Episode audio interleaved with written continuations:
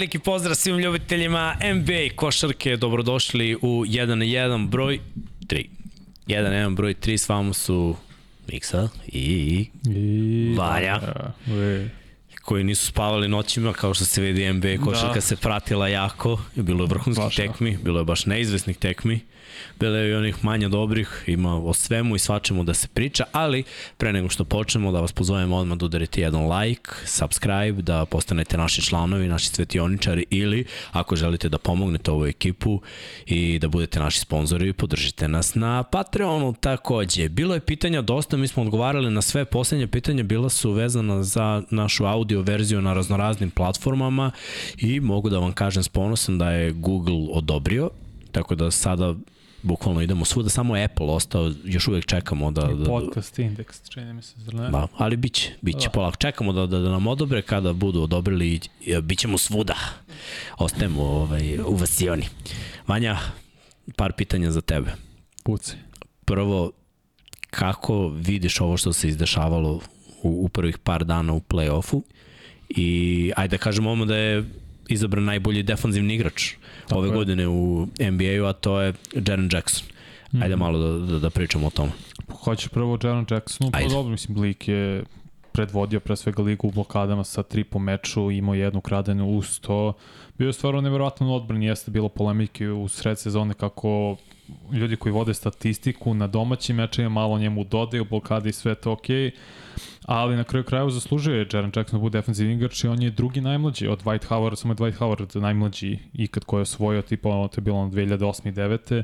Tako da sve pohvale za Jaren Jacksona, mislim, bit će mu neophodno da igra tako i još više u ovoj seriji protiv Lakersa, pošto već odigrao prvi meč, a kako mi deluje za sad izgleda fenomenalno bilo je većina utakmice bilo neizvesno i zabavno gledati skoro sve do kraja bilo ono nekih stvarno da gledaš Boston Atlanta vidiš da to ono jednostavno to Boston lagano rešava Denver isto lagano rešio tako da ima i naravno Philadelphia koja već vodi 2-0 ali uglavnom ostale serije manje više za ceo zapad sem serije Denver i Minnesota je ultra zanimljiv i radujem se svaku noć ima dobrih utakmica i sjajnih i priča tako da za sad sve kako treba.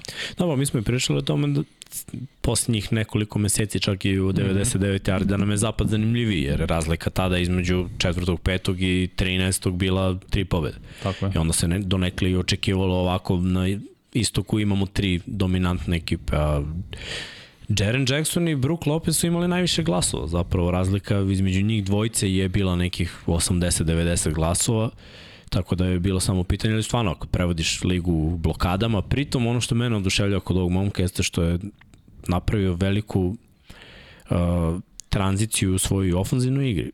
I pričao je o tome, s obzirom da je mhm. njegov otac igrao u NBA i osvojio šampionat sa San Antonio Spursima, da, je, da ga je on tero da radi neke stvari koje možda nisu trebale na koleđu.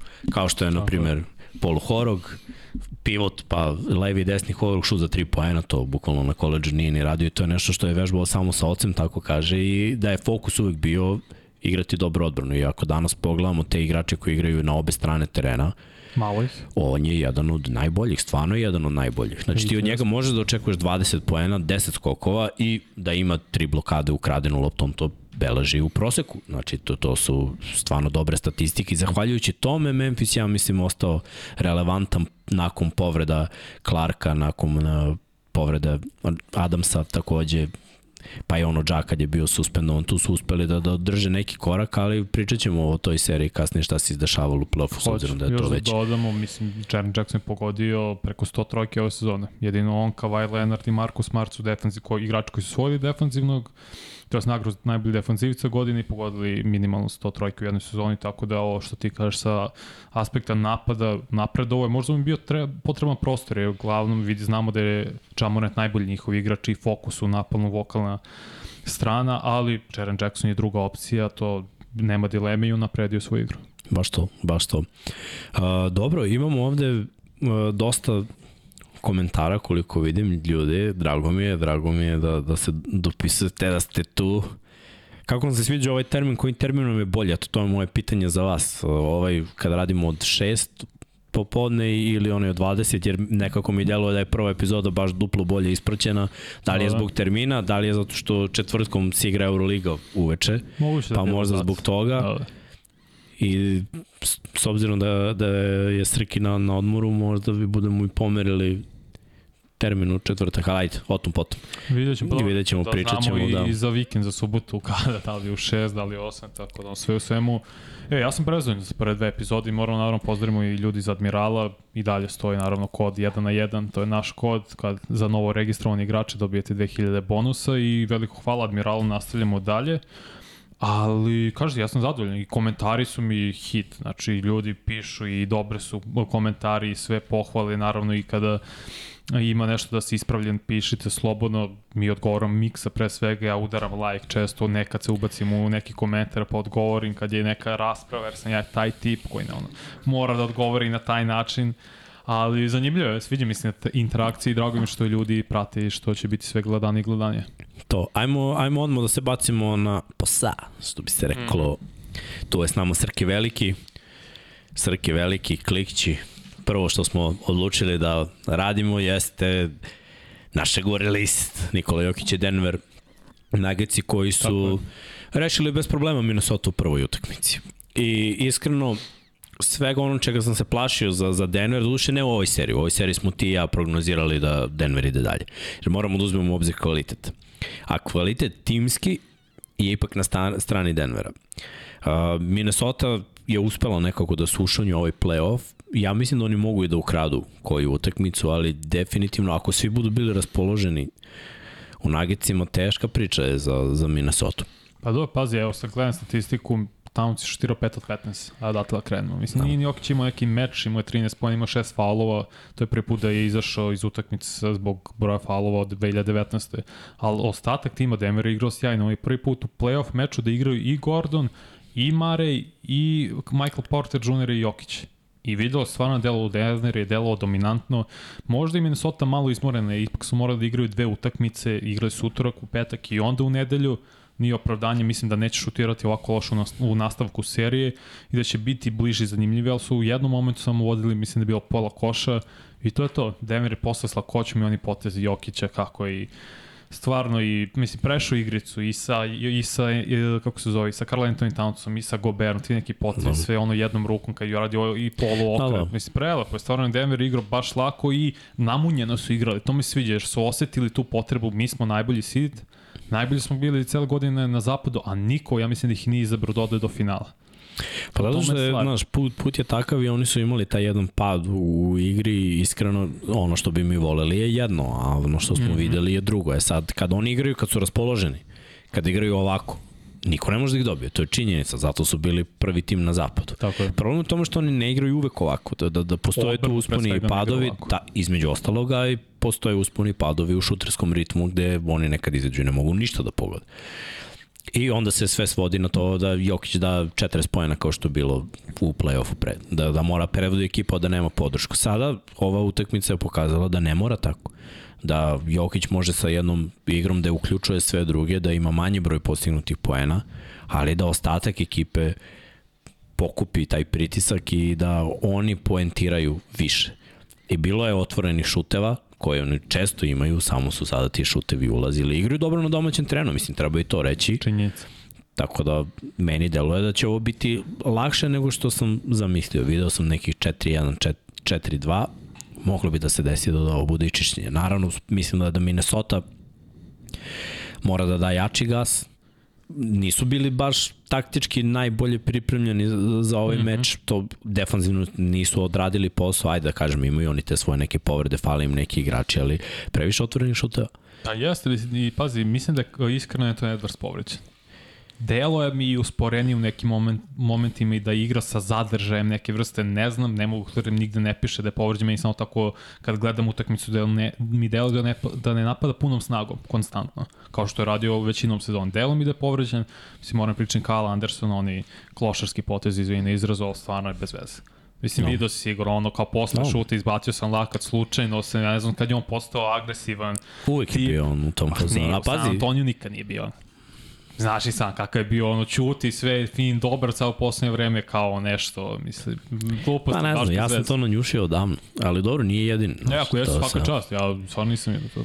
Ma ajde, to, to je mala prgavost, nije to čak ni toliko prljav potez. Mislim, za današnju košarku da, ali Aj, slažeš se, nego on bespotrebno, kao da neko pa. pokrene tim, ali samo ispadaš glup. Mislim, i videli, još, sinoć još jedna osoba ispala još gluplja. Da, doći ćemo, doći ćemo, doći ćemo. Ali, kažete, Denver lagano. Stvarno, nema nikakve zamerke, igraju, čini mi se, sutra uveče, drugi meč, neki timo imaju tri dana pauze, neki dva, sve zavisi kako se prelomi. I mo, mislim da će Minnesota jedan meč da otkine, sve ukupno u celoj seriji, ali da će biti onako džentlmensko čišćenje, jer Jokić je odigrao prosečan meč po njegovim standardima, nisu ni šutirali dobro iz igre. Kyle, ovaj, Mare je šutno 9 od 22. Imao je on 24 poena, de, da. 8 asistencija. To je za Mare normalno. Mare je potrošač, jedan veliki potrošač. I znaš šta, on kad bi dao pola od toga što šutno, on bi svaku tekmu imao preko 30. Seti se onih playoff utakmica kad imao preko 40, zato što je davao malo više od pola. Meč, tako je, u bablu. Tako je. Je, takav Mare je potreba. Mislim, gledaj, bar 50% da, da dođe šut iz igra da bude 50% sve ukupno. To, to bi bilo, to bi bilo dobro. Playoff meč prvi put posle koliko, dve godine? Da, da. Mislim da je njemu bilo sad olakšanje i da će igrati da. bolje, jer kao, ok, sad sam skinuo taj tere, prvi meč, osjećam se dobro, sve super, pobedili smo i igrali smo dominantno, mislim da će u sledećem meču biti opušteni. A ima par dobrih defanzivaca u, u Denveru koje obožavam da gledam, mhm. -huh. tako da, da se baš ovaj, nadam da, da je moguće sad ova serija im je nešto lakša, vidjet ćemo protiv koga će kogod da im naleti sledeći u sledećem krugu, a ja verujem da Denver ide dalje, u tom sledećem krugu će morati da daju sve od sebe i ofanzivno i, i defanzivno. Ajmo, ajmo da idemo dalje. Srki. Da, da, ja. Ovo je bilo lako, a sad idemo na ono što je možda bilo uh, neočekivano za neke, a očekivano za ovog preko puta mene. Pa s obzirom da je on pogodio da će ovo biti tako lako, Evo ja samo da kažem da od Golden State-a zapravo ništa ne očekujem da urade na gostujućem terenu do eventualno te sedme utakmice, ako do nje dođe. Najgori tim ove godine na gostovanju, a najbolji tim u ligi na domaćem terenu. Pritom zvanični šampion, prva utakmica koja je odigrana između Kingsa i Warriorsa bila je na jedan posjet. Šut za izjednačenje pre toga, ajde, da ne pričamo sad, moglo je Imali su šut za produžetak. Kari nije pogodio, ne znam što je pokušavao iz trka s jedne noge da, da gađa trojku. Kad on ima brz izbačaj na ono njegov iz driblinga side step, to je -hmm. mogao da, da pogodi. Odlučio se za nešto drugo. Ova druga utakmica je takođe bila blizu. Znači, ovo je meni možda i najbolja serija. Najzanimljivija. Obožavam Kingse, volovi da Kingsi prođu dalje. Ali Golden State Warriors su meni jedna opasna ekipa. Pritom, Wiggins je igrao bukvalno prvu utakmicu, kad je bila prva utakmica play-offa. Sinoć su imali egal 95-95 i bilo je 102-101 za Kingse i to bez Draymonda Greena. Pa ajde se vratimo prvi meč. Ajmo na prvi meč. Mislim, moram da kažem, Vikings imao šut za pobedu. Mislim, u suštini, ko što je bilo, 12-13 koliko sekundi do kraja maše, i to je ok, očekivano i ima neke rđeni igro i potrebno, mislim, to je opšte poznato. Ti ulaziš u formu igrajući sport koji treniraš možeš ti je treniraš koliko hoćeš, ako ti ne igraš taj sport konstantno, nećeš doći do formi ni do ritma nekog. Ali ono što radi Sacramento kod kuće pokazuje da pre svega i dalje su najbolji napad u ligi. Mislim, u ove dve utakmice postigli 120 poena Warriorsima. Ajde ovako da idemo na tu prvu. Warriors imaju defanzivni problem u ovoj seriji. Očigledno. Sad igraju protiv ofanzivne ekipe, sad si to pomenuo i pričali smo o tome. Prvo ne mogu da naprave dobar match-up sa Sabonisom njega nema ko da čuva. Uspio je Green. E, u prvom meču Green ga je, dajem tu pohvalu Greenu, nulirao ga maksimalno sa Bonisa šta imao 12 skokova, koliko ili šta imao 12 pojena, 16 skokova, super je bio što tiče skokova, ali ovako u napadu nije bio ništa wow. Bio je ispod proseka za svoje neke standarde, ni samo dve asistencije. Ali u finišu kad je bilo najpotrebnije, tad ga je pustio, je tako. Pritom bekovska linija ih je rastavila. Monk im je baci, ubacio preko 30, Fox ih uništava u obe. Znači, Fox je izrastao u jednog od najboljih poentera kada se lomi utakmica. Najbolje. Ja mislim da je ove godine u NBA-u, da, da. Najbolje. 192 poena imao u regularnom delu kad se računa poslednjih 5 minuta u produžetku i u četvrtoj. Rešio je prvu i rešio je drugu. Pa znaš kako, nema ko da čuva realno da Aaron Fox. Mislim, Clay Thompson može pričati šta hoće, on više nije isti odbrana. Ali on ni ne igra na igrača na lopti. Nije to Tako njegova je. Nije više, odbrana. ne može. Ja, Steph Curry ne može da juri, jer ako daje sve od sebe u napadu, on nema sad više snage da juri konstantno odbrana. Nije nikad ni bio neki defanzivni igrač. To se očekuje realno od Viginca da preuzme tu odgovor, da čuva najbolje Ne može da čuva on Tako je. playa. To bi trebalo da radi Jordan Poole. A Jordan Poole. Koji igra najgoru odbranu ikada, tako je. Yes. Gary Payton drugi. bi trebao, ali opet uh, Sacramento, ovo je Sacramento, Golden State Warriors, ne znam da li znaš, su najvi, treći tim po broju napravljenih faula u ovoj sezoni. Zato je Monk šutirao 14 bacanja, dao svih 14 svaka ja. čast. Deron Fox je šutno 12, dao je 8, mogo je tu bolje, ali Warriors ne igraju odbranu na tom nivou još i to je, mislim, to je činjenica, oni dopuštaju 118 pojena po meču. Stoji. Stoji. Ne može, nije to idu, samo da što oni, Wiggins nije igrao. Oni zapravo idu na to da će da daju poen više. Mislim, i što je najče svega, stvarno, ko je gledao ove utakmice, ne highlightu, nego ko je gledao utakmice, ove dve ekipe baš je bilo neizvesno. Ovo je možda najneizvesnija serija koju pratimo. Vode Kings i 2-0, ali bukvalno jedna lopta da je izašla, druga lopta da je ušla, sve bi to bilo drugačije i, i verovatno bi videli na kraju 2-0, ali za, za drugu ekipu. Koja, eto, ne može da prelomi u gostima, pa ne može. Kingsi su odradili Aha. svoj posao. 2-0 nisu vodili od 2004. Golden State Warriors i eri Steph Curry nikad nisu gubili, pa no. Tako je. To je glavna priča, ovo je za njih novo. Plus, video sam Steph Curry na utakmicama u četvrtoj četvrtini, kad treba da se šutne i pogodi za vođstvo, on ima 0-13. Mislim, to je očigledno, to je, nije sad da ja lupetam gluposti ili kažem da, nešto, to je, ne pogađa. Ej, ćeš da ti kažem šta je to? cela ekipa se skloni da njemu loptu i ajde brate, vadi nas. To je to. Oni Ima nemaju, oni nemaju, oni nemaju plan, znači kada kada se gubi. Bio je plan pre Durant. Tako je, ali Durant je igrač koji može iz izolacije da reši neke Tako stvari, jer je ipak viši, nadmoćniji, iz, onog, iz one njegove prednje promene, kada krene sa 45, pa kad nađe neku polu distanciju ili trojka, mm -hmm. razumeš, on ima taj šut. Steph mora da se namuči za svojih 193 za taj šut. Ma nema ni toliko, 190 max. Pa on je 6-3 kao, ajde. A, to je to. Znači to je između 191 i 193. Ne, to je 6-4. Ne, to je 6-3. Ne, 100%. 6-2 188. Dobro. 6-3 je 191, max. 2,5 cm ti je Ajde, inč. 6-0 od 183 183. do 185. Ne, ne, ne, ne. Da, pa Nije. aj broj inč. Pa računaj. Evo, nađi 100%, tu... Znam koliko sam vis... Jedva, jedva sam 6-0. Ukuci 6 feet. I da viš koliko će ti ispast. 183 do, pa ali inč je 2,54. Pa dobro, i računaju to u 183. Ne, oni računaju od ovog do ovog, pa imaš inč mm. i jedna osmina, jedna četvrtina, je, znaš da imaju i to pored. Pa znam to, ali to dodaju na 183 pa do 185, a 6.1 je. je 185. Do 188. Pa je. 6.2. Pa dobro, nema ovo. 6.2 je od 188 ne. do 191. Ode podcast, ode podcast. Neka, vratit će se sve u svemu, mislim, pazi, David Mitchell, moramo ga pohvatiti, muči Steph Curry-a oba meča. Jer ga na celom terenu kupi. On je back sa Baylor druga godina, on je pozad igra odbranu, i tvrdu, agresivnu odbranu, igra konstantno, fizikalnu i to izmori Steph Curry-a sad koji ima 30, koliko, 3 godine, možda 34, nisam siguran. To i očigledno utiče na njega da pošto je on sinoć šutirao 3 od 13 za 3. Warriors imaju više izgubljenih lopta nego pogućenih trojki u ovoj seriji. Jeste, da. I to je problem. Znači, ona igra njihova da šutiraju trojke, da igraju odbranu, to ne postoji. Draymond Green, to je priča za sebe. Prvo, u prvom meču da imaš četiri pojena, to je neprihvatljivo. Da, oni baš da moraju da imaju još jednog poentera, znaš. I prošle godine Wiggins obavljao to. Jeste. Stvarno je obavljao to i onda kad se spoje Pool, Clay, Steph i on, pa da kažeš da imaju A Wiggins veći broj poena. sinoć. I u prvom 17, mislim, okej, okay, no. nego i oni potez, Al... ali priča o tome, Draymond Green šta je uradio i Sabonis, prvo oni Sabonis, ovo prljava stvar isto. Što ga je uhvatio za zglob. Tako je. Ali Green ispoj klup, što ga je nagazio, jer imao je mesta, nije morao da ga nagazi, to je point, on uopšte nije morao da ga nagazi. Koliko puta Draymond nešto nije morao? I uradio je. Koliko puta? Znači, stalno i to često play-off. Pa više, znaš, više me to ne, znači, šta više mi je onako, he, A to je problem za vlasnika Joe Lacopa, Bob Myers i Steve Kerr.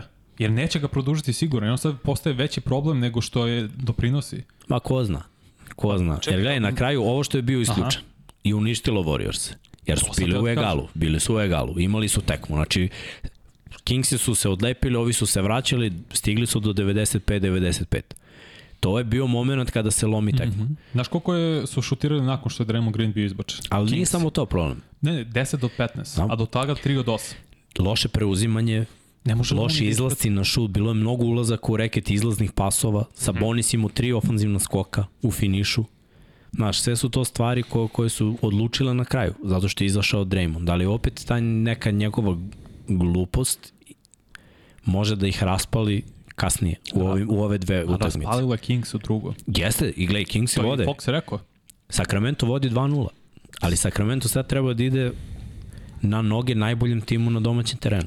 Samo ti kažem da Sacramento ima najbolji odnos pobeda u gostima, u gostima na zapadu. tako je. I gledamo najbolji to. tim na domaćem terenu protiv najboljeg tima u gostima.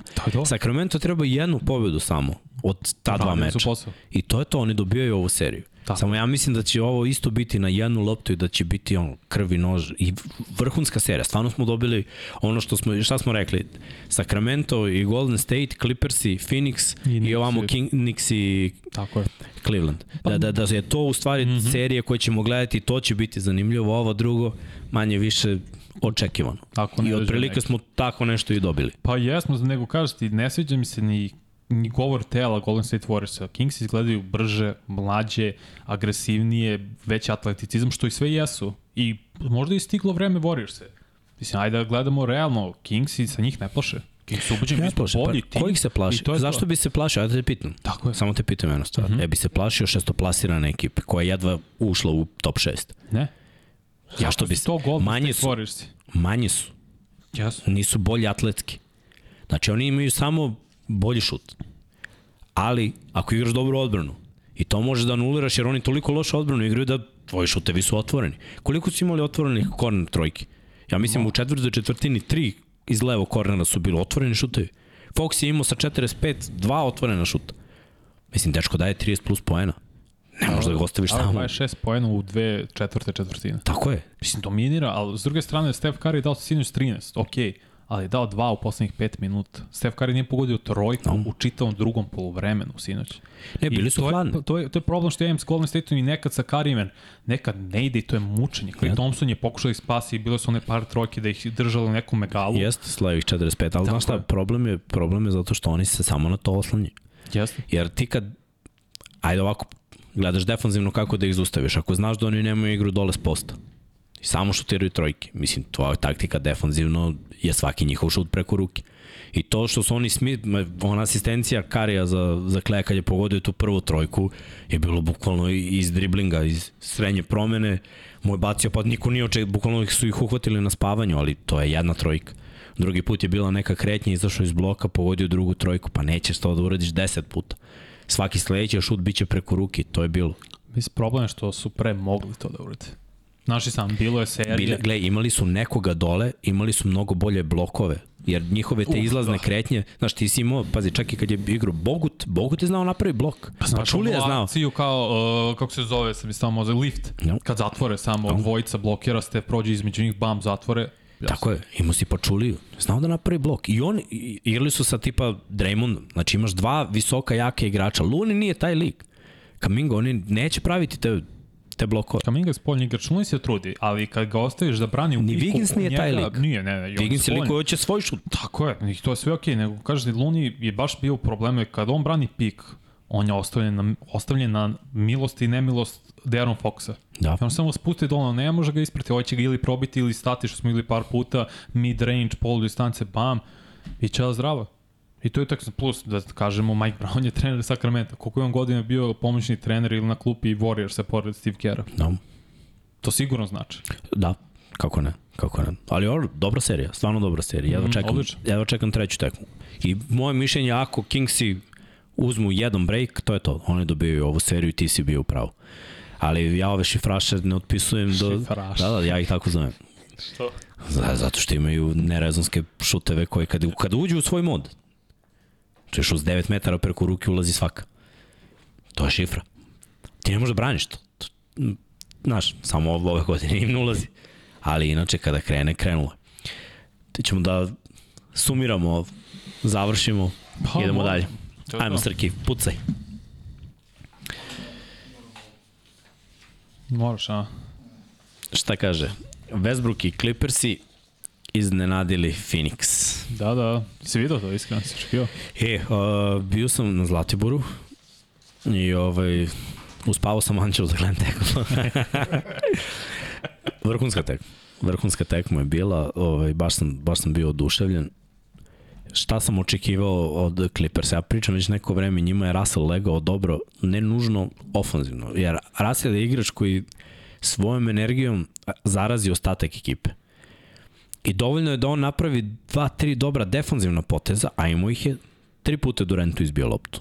dve su bile izgubljene, jedna otišla u aut, ali kada saigrači vide to, naročito protiv nekog moćnog, kao što je Kevin Durant, mislim da svima nekako odjednom moral skoči, da su puni samopouzdanja da mogu da urade nešto drugo. Ti kad pogledaš Phoenix i, i njihov roster, Ejton može da završi nakon pika sa Polom, Booker može da pogodi, da skreira svoj šut, Durant znamo kakav je ubica i imaju još dosta igrača koji mogu da urade posao. Ti ako uspeš defanzivno da im pariraš, da ih neutrališeš, a pritom iz odbrane crpiš energiju za napad. Kavaj nije promašio bukvalno u prvom polovremenu. Gledamo ono prvo polovreme i ono je kao mašina, bukvalno ono što su ga zezali za onaj smeh i to da, da, da, da. Lik je automatizovan, znači bukvalno ti njegovi šutevi gotovo bez, bez luka. Znači. Sa, samo gađa zadnji obruč i svaka ulazi. Stvarno su igrali dobro. Imali su neke pogođene šuteve igrača koji su, ono da kažemo, imaju svoju rolu, ne da nose igru. Dobro ali su radili posao, Zubac je bio dobar, dovoljno, čini mi se u drugoj polovini sezone, da, da je sve bolje i bolje u reketu i ofanzivno i defanzivno, ali defanzivno taj njegov skok puno znači. Tu su malo, tu su malo neutralisani bili Suns jer nisu mogli do ofanzivnog skoka toliko, a Clippersima odgovara iz skoka da, da se pokrene malo divljanje, bilo tu nekih tranzicija koje su lepo rešene, pritom imaju par nekih igrača koji su odskočili u drugi plan. Možemo da uđemo, pa evo sad ću pa da krenemo Ajde, ti sa, sa, sa igračima, ali definitivno, uh mhm. -huh. prvo, mislim da su defanzivno ovde došli do pobede. E, Ofanzivno absolutno. je išlo dobro, ali zaustaviti Phoenix u nekim trenucima, baš sam, baš sam ono, gledam i smejem se, znači mi je drago da vidim da da ekipa kao, kao što su Clippersi koji su imali toliko problema, George neće igrati celu seriju, to, to su Tako takođe je. u prvoj utakmici pokazali. Ja sam mislio da će se vratiti tamo Pet, treći, tako je, kasnije posle tri utakmice, ali bez njega svaka čast momci, svaka čast stvarno. Pa ja krenem ovako, Russell Westbrook, ovo, to si napisao u Boruci, dopisivali smo se malo tokom i posle bio smo zonu, ovo ti je klasičan Russell Westbrook meč. Od dobrog do lošeg, do ružnog, do super. Mislim, šutno je 3 od 19 igra. Ovo je najbolji meč za neko ko je šutno 3 od 19 ikada.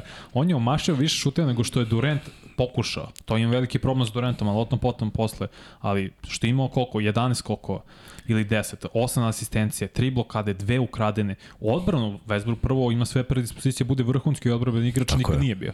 Ali sad je, ja mislim da je skapirao, moram nešto da doprinesem. Tako je. I jer to je, ne pogođem ništa živo. Tad je pogađao. Znaš, mislim i ovde onu jednu kad je pogodio iz levog kornera, bez koske. Da, da. Ja rekao, ok, možda će ovo biti jedno od tih tekma. Ne.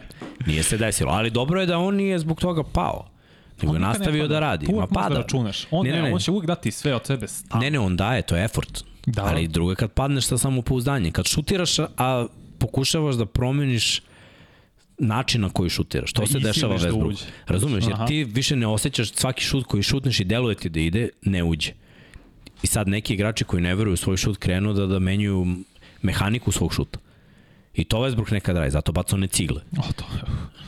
Sagra, može sagradi jednu celu dvoranu sa ciglom. Ali, kada je u pitanju effort i energija koju on donosi, ja bi, ja bi volao da igram s Russellom. Jer to loženje, taj moment, to redko ko ima. I tačno se videlo da je cela ekipa bila u fazonu ok. Pa tako je, a pazi, on je u 59 poseta ili čuvo Bukera ili Durenta ili Pola. Dali su 6 poena.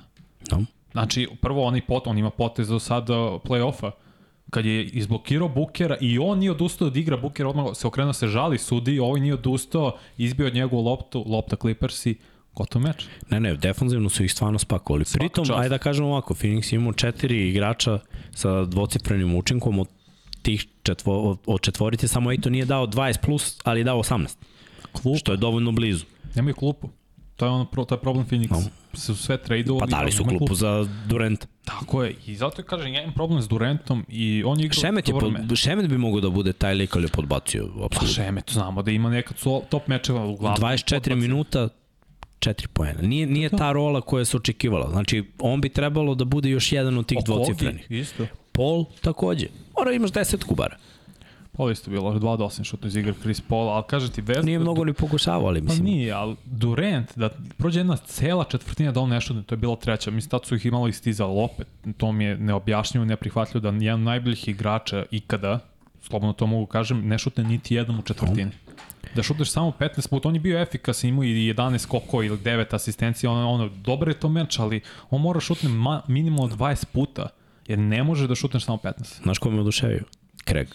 Tori Craig. Bivši Denverov defanzivac, specijalac u defanzivi, koji je ovde osetio da neko mora da da gas 22 poena. Dobro, ali ne mogu to očekati njega stalno. Mislim, super je sad što je da, ali čuo ga i zubac. Pa moraš. Dobar deo. Moraš da, da očekuješ od njega, ja ne znam kako će oni da daju više, po, da, da, da daju više. Jer gledaj, ovamo imaš jednog lika koji ima taj instinkt ubice, a to je Kavaj. Mm -hmm. Kavaj koji je metnu 38. I ono njegova klasika, 5-5. To je Kavaj. Ali efikasnih 38. Ne, ne, znam. 24. Tako je. On, ja kažem, ja mislim da ima jedan ili dva promaša u prvom poluvremenu. Gledam tekmu i ne verujem. Lik rešava sve.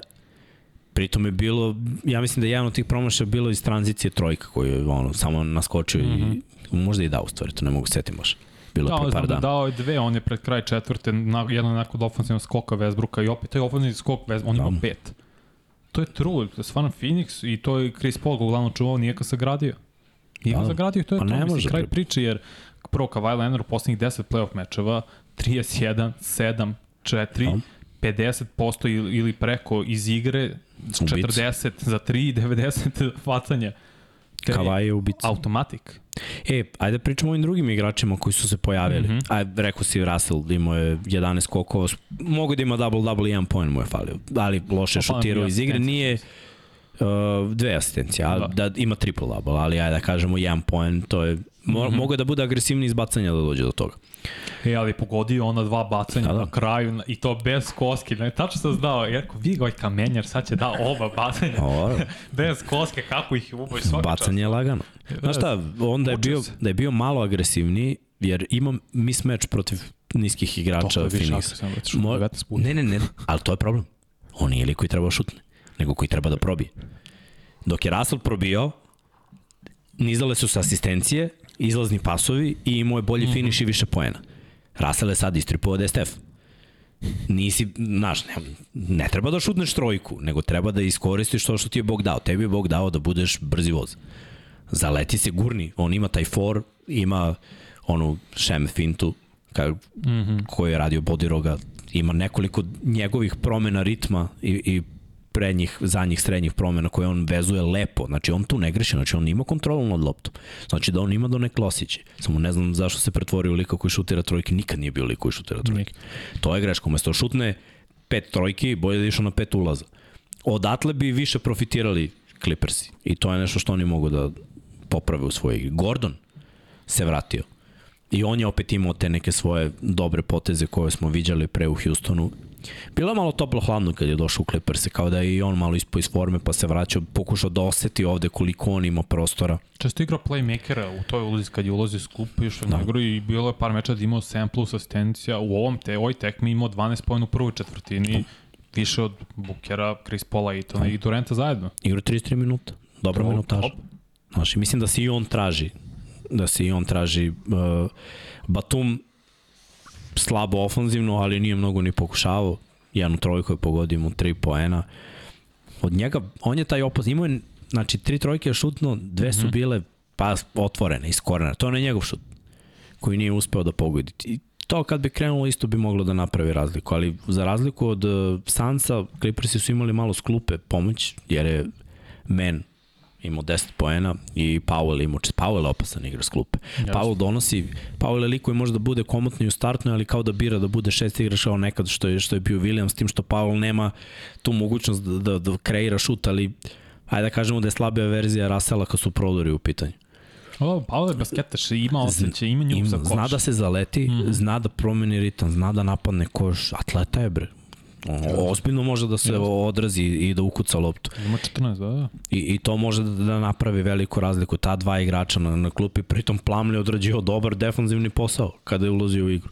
Na kraju ima 11 skokova. Znaš, dovoljno je da maltretira i to na toliko da, da bude izmaltretiran u strane dva centra, jer Phoenix baš i nema rotaciju na, na ne, visokim pozicijama. Sad gledam klupa Phoenixa 10 poena, klupa Clippersa 34 plus, Covington nije igrao, Marcus da. Morris nije igrao.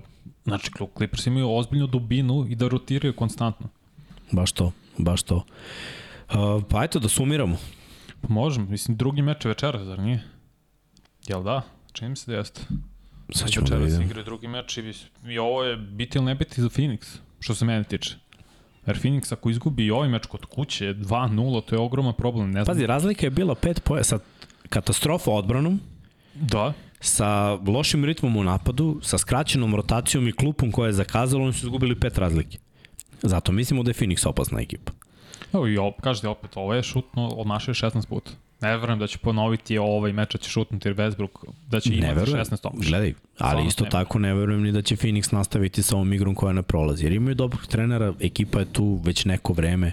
Mm. -hmm. Znaš, oni će imati te svoje falinke, oni će živjeti ovu, ne ovu seriju, ovaj playoff. Čak i da prođu ovu seriju.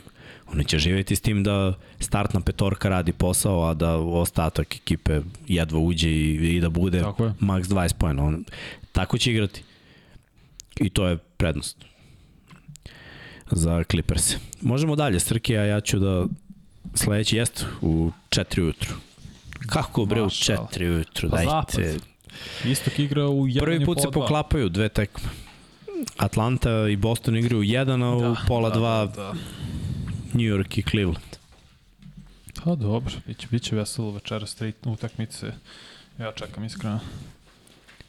Šta je sledeće? Evo da vidimo O, ovde pa. E, šta kažu ljudi? da li ima komentarima? neka pitanja. Da, imamo 123 lajka, hvala, hvala, hvala. Hvala, hvala.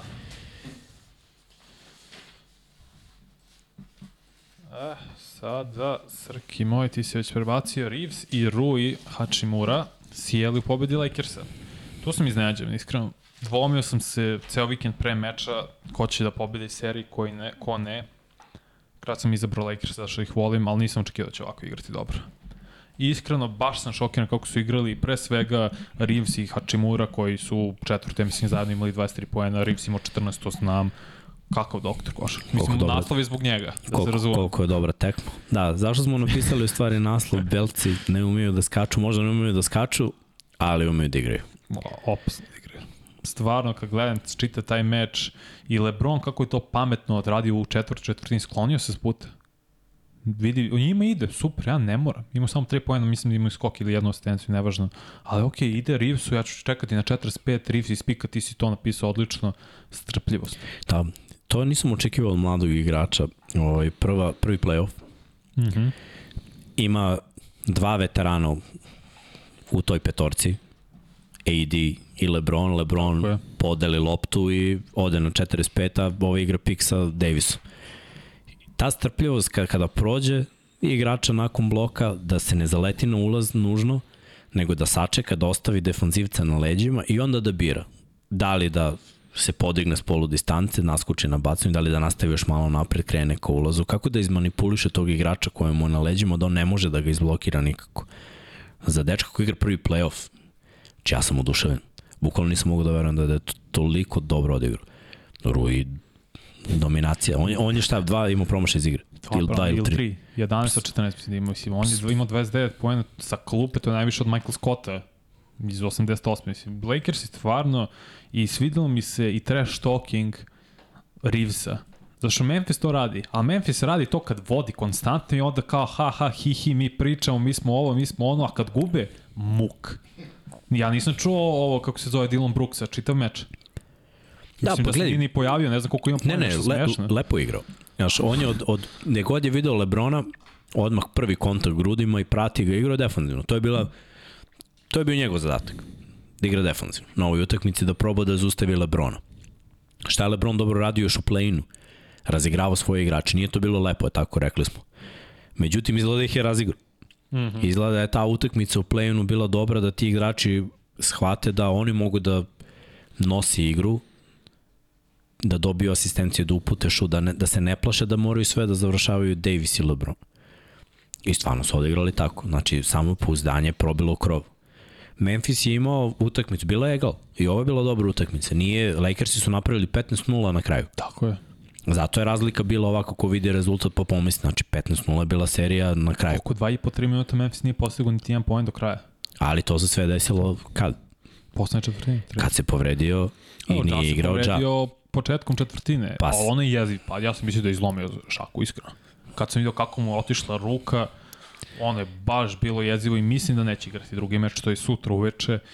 A opet, Morant nije bio efikasno meč, 18 poena, niti jedan mi je otišao na slobodno bacanje. To je nedopustio, neko imao 8 u proseku u regularnom delu, sad imaš nula tokom meča. I neko baš su delovali van ritma i van, i van nekog balansa Memphis Grizzlies, ako su bili tu, ali Lakers i, mislim, Anthony Davis mora njega pohvalim, ja kad je rekao ne osjećam ruku, ja sam mislio to je to. Ja sam mislio neće igrati, neće, ne vraća se on u drugom polovremenu, čini njega nešto zaboli, to je to, on, on ma ne igra. Znaš šta, ja... Ali svakam u čast. Ne znam ko je gori, on ili Morent. Ma on je gori. Mnogo su svileni, brate. On je gore, on Dobro, je gori. duže, on duže mi je svilen. Duže, duže je svilen. Užas, brate. Ali je odigrao doktorski 22, 12, da. 7 blokada, to su brojke koje prve od Tim Duncana, mislim. Da, da. Ma na kraju ovo kad je zalepio Jackson i otišao oh. u kontru, to je bilo baš Anthony Davis. To je stvari sve ono, cela ova utakmica i ova prethodna mm -hmm. play-in utakmica. To je sve ono š, zašto si verovao da Anthony Davis sposoban i da može da uradi. Ako je na terenu. Ali znaš da igrači su prestali, sa igrači su prestali da se osvrću na to njegova drama kojim plakanja. Kad ga nešto boli, Onaj moment kada se valjao po terenu, ovi otišli ovde igrali napad, pa se vratili igrali odbranu, on se valja i dalje. Kad ga niko nije, znaš, mislim da, da on sve to radi da privlači pažnju i da, da sad skapirao da ono, e, niko ne obraća pažnju na mene, moram da igram. Šta god da me boli. A Džaveć ulazi polako, ali sigurno u te momente da svake godine ima nekoga, prošle godine play-off, ovaj ga povukao za koleno, on se povredio, mislim, je takav atleta ne bi trebalo da se povredi kad ga neko povuče za koleno. Ovo je bio nezgodan pad. Već stoji. ima problem sa šakom. Znam da je imao. I sve, ali Znam da je imao. Mislim, I opet njegovo razmišljanje da, da proba da se uštopuje šaku. To se ne radi. Ne radi nikad. Telom, nekako kreni se na rame, nikad. Tako je. Nikad na ruke. Bre. Nemoj si glup na glavu, molim te. Da. Nikad ruke. Bukvalno, ne znam, ne znam u čemu razmišljao, ali... Ti si bio u pravu, moram to da dodam i za Adamsa i za Clarka. Oni su Evo ljudi zezuju ovde, kaže... Šta? Samo još fali da Sejdi baci na pod i plače kao Neymar. Jeste, ali te se da, da ovo, da, da te boglim sve, mislim, Memphis imao 34 skoka, samo. Oni su ligu predvod, to jest bili su drugi u ligi po broju skokova, ali fali Clark, fali Steven Adams, to ti sigurno jedno pa 16 skokova. Očigledno im fali i to mi žao i kažem, mislim da Morant neće igrati drugi meč, što samo znači da Memphis, ćao zdravo, pakujte se odmah, što se mene tiče. Jer ovo, ovom igrom, ako Morant ne može da igra, ne mogu pobeda Lakers. LeBron bio prosečan. Mislim, imao je 20 pojena, 10 skokova, 5 asistencija, mislim, to je sve okej okay za pa njega. Pa nije, nije ni down 100%. Nije, ne, pa sad kažem, gledaj, odigrao je za njegove standardne prosečne. No, za svoje godine odigrao vrhunski. Jer i treba da se štedi. Mm -hmm. Te klač momenti će tek doći. Jer zašto to ono što pričamo stalno kada radimo američki futbol, kad ti kažemo, ako funkcioniše najgluplja akcija trčanja, najprostija akcija, trči, dok ne zustave. Je funkcionisao pick and roll, Reeves Davis. Tako je. Igri pick and roll. Dok ga ne zustave. E, kad ga zustave, onda ajde da se oslonimo na našeg najboljeg igrača, a to je Lebron. Znači sve vreme je bio tu otvoren reket, da se odradi pik i da se izbaci pas za otvoren šut za tri ili, ili da se odigra ovako, sve je bilo određeno savršeno i oni su dobili ovu tekmu i to je ono čega smo se plašili za, za Memphis i za Lakers u stvari, da ako oni budu odigrali ovako dobro na visokom nivou, da oni mogu da odu daleko, možda čekaj do kraja. Jer imaju veterane, poklopili su, ja mislim, ovaj njihov GM treba da dobije nagradu. Drope link, treba bude funkcionar godine. Sada, sada odmah da ga odlikuju. Tri medalje i ono na sakovu da ima, znaš ono... Da. svaka čast kako je, kakav je roster sklopio i svaka čast za igrače koji su uspeli da se uigraju, da pronađu neki Hemiju. način da, da, da, da igraju ovako. Pazi, i Russell je imao 19 pojena. Može šutno loše iz igra, ali opet Ne, ne, sad je igrao dobro. Utakmica protiv Minnesota je bila da, katastrofa, nije mogao pogodi ništa, onda je presedao celo drugo polovreme. Ovo je okej. Okay. Ovo je okej. Okay. Od njega se i ne očekuje da forsira previše i on je prihvatio tu ulogu i to mi, to mi je skroz okej. Okay. Da, da, sve sam u Lakersi fenomenalno, četiri igrača sa preko 20 pojena, to isto nije bilo od 88. Russell je bio 1 poen od tih 20, tako da Lakersi za sad izgledaju dominantno. Vidjet ćemo sutra šta će biti, tome ćemo više pričati u četvrtak, budemo raditi analizu, ali svaka čast Lakersima nakon onog meča u Minnesota, ali znači im je taj odmor od 5 dana. Da, da. 4, pa ja kažem. Oče, mnogo im je znači i odigrali su sa mnogo više i fokuse i energije i sve pohvale, tako možemo pređemo dalje. Možemo, da. Šta kažu ljudi, ima nešto? Za... Ima da vidimo ovde, pišu da Lakers igraju timski, stvarno igraju timski mm -hmm. i mhm. lepo je videti, odlična je hemija i, znaš šta, kad sam vidio konferenciju za štampu da Lebron na konferenciji priča o Reevesu, složio jedan hvalospev koliko to znači mladom igraču u stvari. Lebron to zna, on to radi godinom. On dovede te veterane koji mogu da igraju s njim, njima uliva dodatno samopouzdanje, izbacuje im stalno loptu, on je jedan od igrača koji najbolje prebacuje težište s jedne strane na drugu. Mm -hmm. Njegova dodavanja, to je ono što uvek pričam. Mladim igračima bi rekao nemoj to da radiš. Je tako?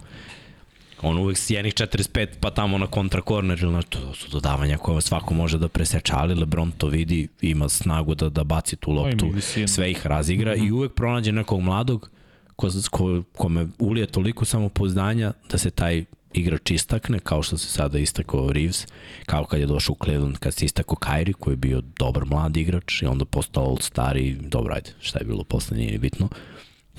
Ali uvek ima nekog igrača kog, kog yes. jednostavno pogura malo da, da bude bolji. Mislim. Lebron je po meni i trenutno i jedan od ikada najboljih dodavača. Sigurno. Sigurno. To je neverovatno kako on pregled igre ima i sve, samo mi je je bilo na pres konferenciji što je rekao ja to znao za Rivsa od prvog treninga, znači ima, ne, ti ne može ispratiš na društvenim mrežama gde je napravljeno na Twitteru bukvalno thread kao niz gde on laže bez potrebe. Ne, bukvalno ima intervju sa Rashfordom gde oni pričaju kao i ovaj Rashford neko rekao neku izreku, on kao da da, to je moja omiljena izreka isto. Znači, ništa ne povezano. Ali Lebron uvek voli te neke fazone, tako... Evo Zezio ga ovde, kaže, Vuk Grbić opet laže da je znao odmah kad je vidio da će biti veliki igrač. to je to, to je to, to je to. Znaju ljudi, znaju prate. Dobro, ajmo, ajmo na... Pa da, moramo da pređemo, završili smo ceo zapad.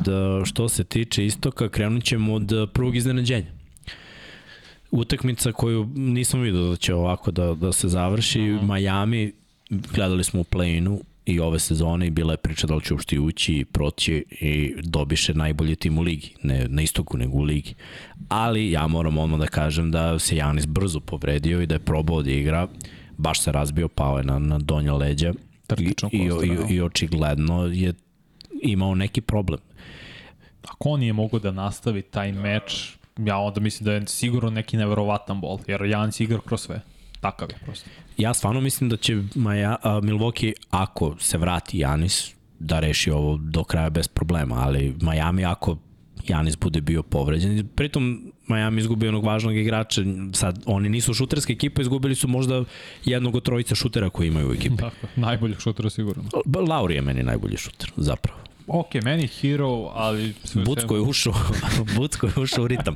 Samo si dismay, ali... Jeste, ali opet hero bi 120 pojena zagarantovanih i no. videli smo, ja sam mislio kad je šutno ono s polomljenim prstima da je ušlo, iskreno, na prvi pogled. Zapravo je bilo, uh, znate, pored od, uh, ovaj dotaklo mrežicu, polomio je srednji prst i domaleni, nakon što se bacio za loptu i neće ga biti jedno 4 do 6 nedelja, mislim sigurno će mesec dana propustiti Tako da baš šteta za Miami, ali Miami odigrao fenomenalno. Šutirali Jeste. su iz igre 59%, za 3-60, to je suludo. Milwaukee najgoru, a Miami najbolju tekmu.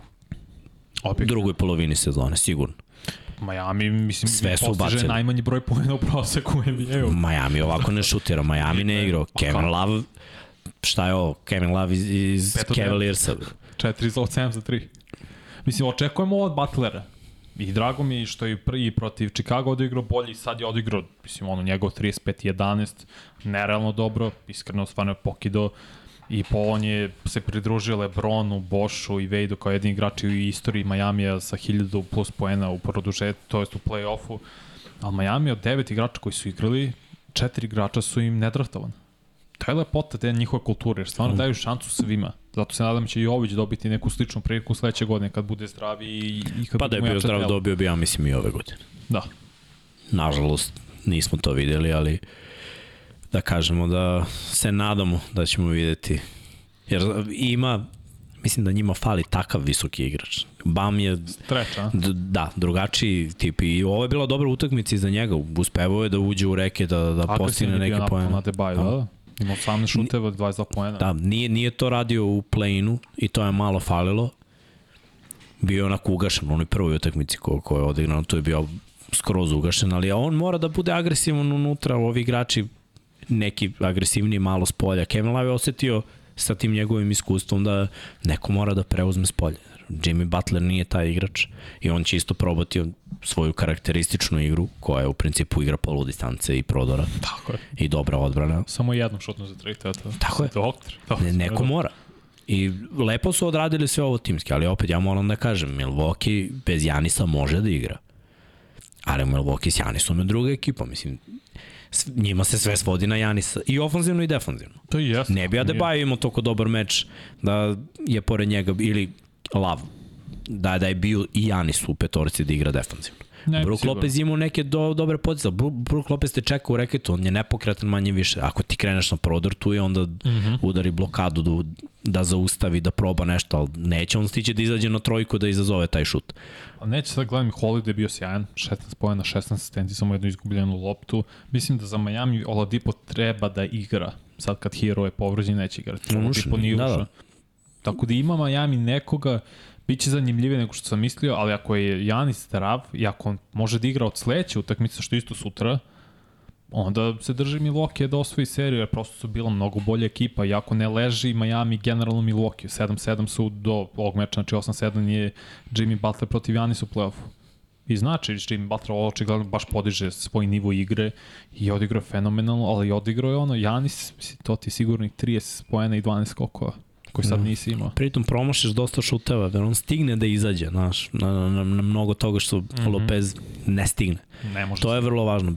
Pali su u odbrani, a znamo kakva je Milwaukee ekipa, ja stvarno kad su zdravi, smatram da je ovo jedna od najboljih ekipa u čitavom NBA-u, jer ta igra defanzivna i ofanzivna, oni su unikat, unikatni. Mislim, Boston, isto pričat ćemo kasnije, je ekipa koja preuzima sve živo i, i sve je teško protiv njih. Protiv njih nemaš situaciju koja da kažeš laka. Kod njih je poluotvoren šut, super što si uzeo poluotvoren šut.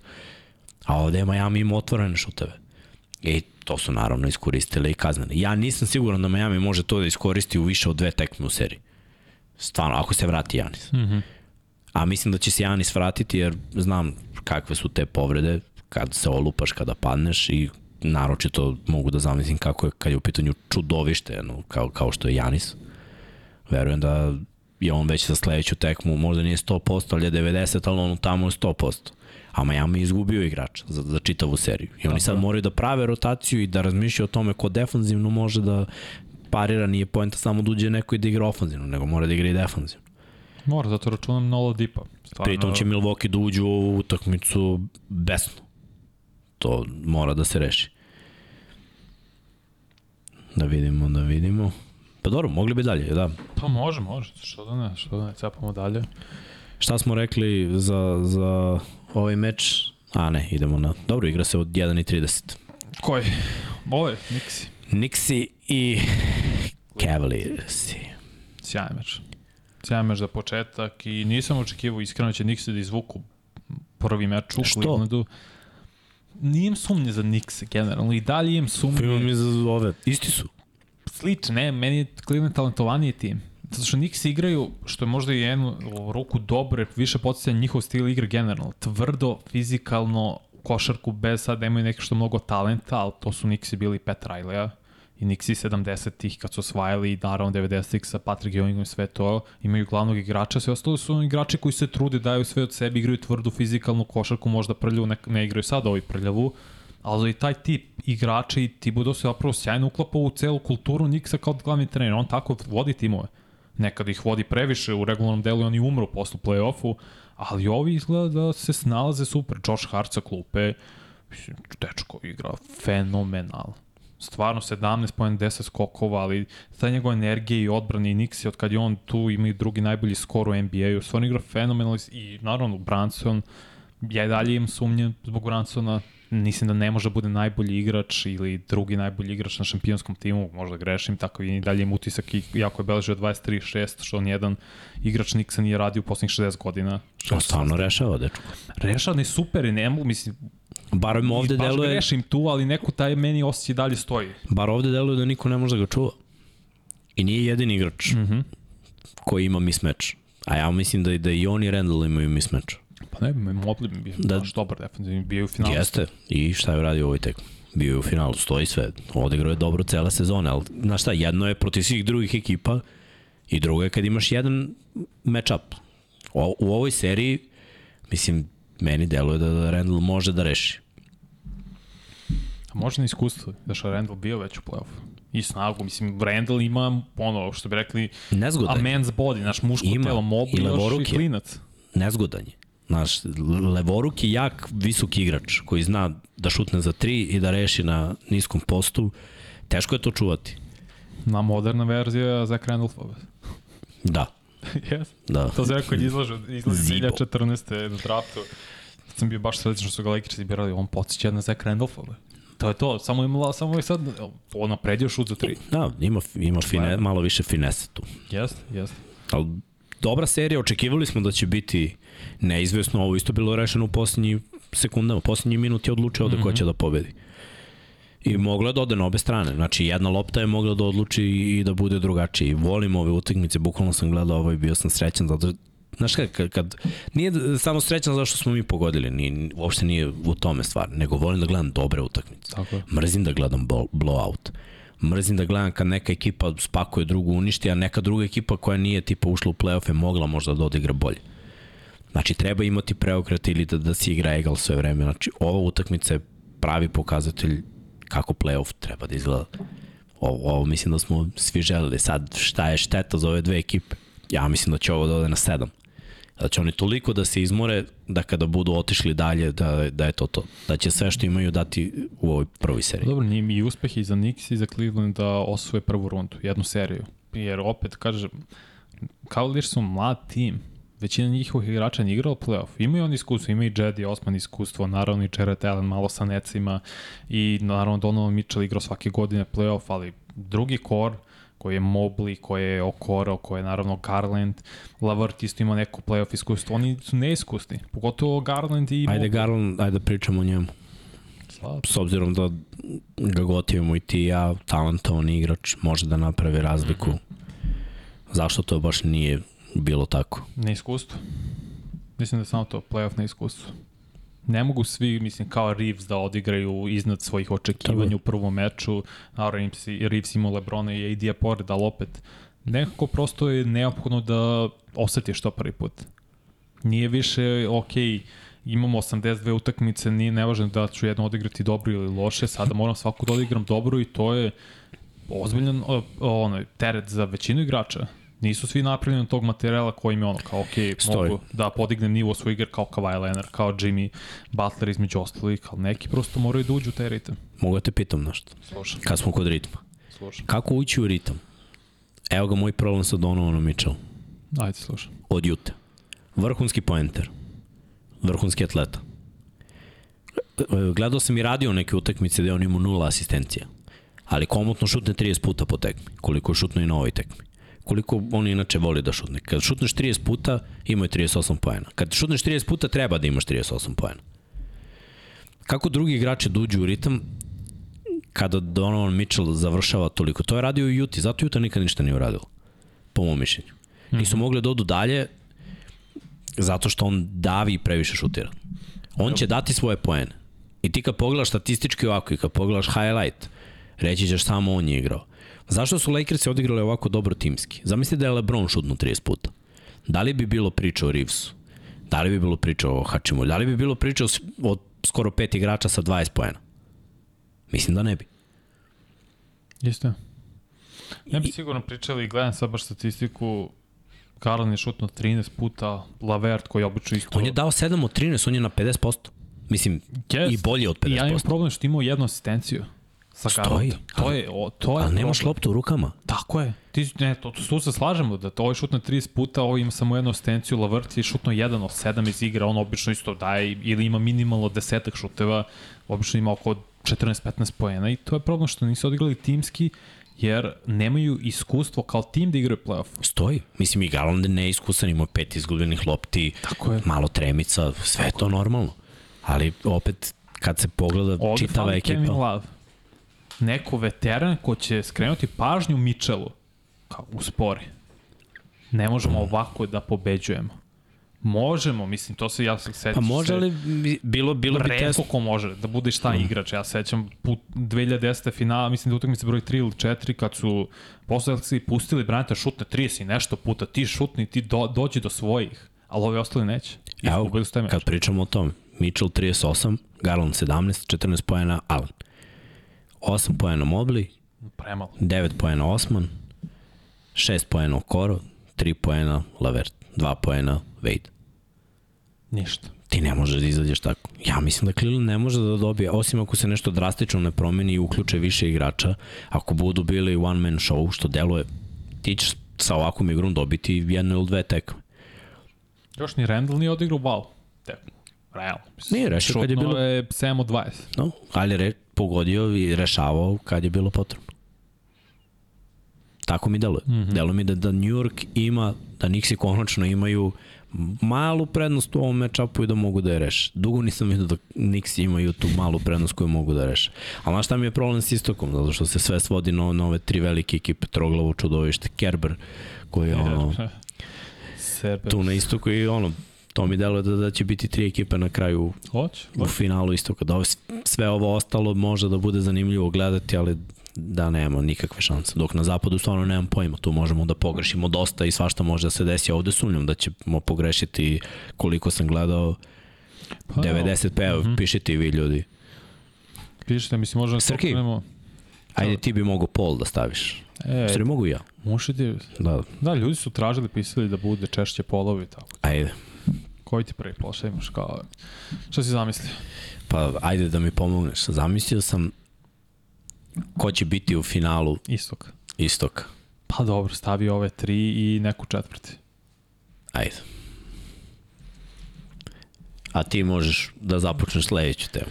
Možeš da različiti da li možeš da obrneš, uh, ali ne bi mogu. Milwaukee, Boston, Milwaukee, Philadelphia. Ne možeš, ne, ostavi ovako pojedinačno. Uh, Šta je četvrta? Crki Boston. Uf, baš je bilo neprijatno gledati Boston i Atlantu pre pa, svega. Boston je bilo lepo gledati, Atlantu je bilo pa, neprijatno pa, gledati. Baš zato i pre, mislim, ajde kren, krenut ću od Trejanga pa ću nadovezati na sve ostalo.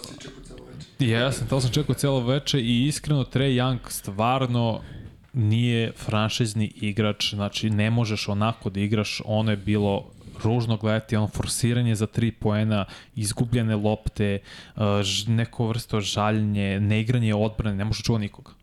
Znači on sa svojih jedva metra 80, ne znam da li ima toliko, mislim da ima, ne može da čuva nikoga. Prvo je nizak previše, mršav je, nije dovoljno jak, nije stamen kao Lauri, na primjer, kao Chris Paul. I onda forsira te neke nepotrebne šute, neka nepotrebna dodavanja, on to prođe jednom u pet puta i to kao bude wow, super potez, zna, ali upilo je za kolinca, čini mi se ali ovo ostalo, to je ružno gledati. I Istina. treba da ga traduju. Ne, ne može niko drugačije mi objasniš. Bo, znači, Boston je što ga tražuju u odbrani konstantno iz pika, M Boston kako igra napad, sva petorica su na liniji za tri poena. Prazan reket. Vanja, Boston je sve pokupio. Ja gledam Tako tekmu i ne verujem. Zapis, zapisivo, gledam i... Oni nisu imali, od, bukvalno imali su situacije gde ne mogu da spuste loptu u driblinga, da sledeće nije da uhvatiš loptu i da opet dodaš nekome. Jer nemaš dalje gde da ideš. Ti nisi prošao ni svog čoveka, drugi je već tu na pola puta da mm -hmm. pomogne i ti pokušavaš da nađeš, napraviš višak, da napraviš malo prostora, izbaciš pas. I oni su već pokupili i to. Nemaš igrača koji može da napravi čudo na prodoru, pokušavaš nešto. Baš mi je bilo baš mi je bilo neprijatno gledati ovo. Ali ovo je Marej. Dejonte Mare je nešto pokušao nekako isprodati. On je jedini koji je imao Njih je držao u igri skok u napadu u prvom polovremenu. Um. I to je to. Jedan od 12, mislim, za tri šutno u prvom polovremenu. To je grozno. I forsirali su previše šut za 3 poena. Koja je najbolja ekipa u posljednjih 5 godina koja brani šut za 3 poena? Ova druga. Boston.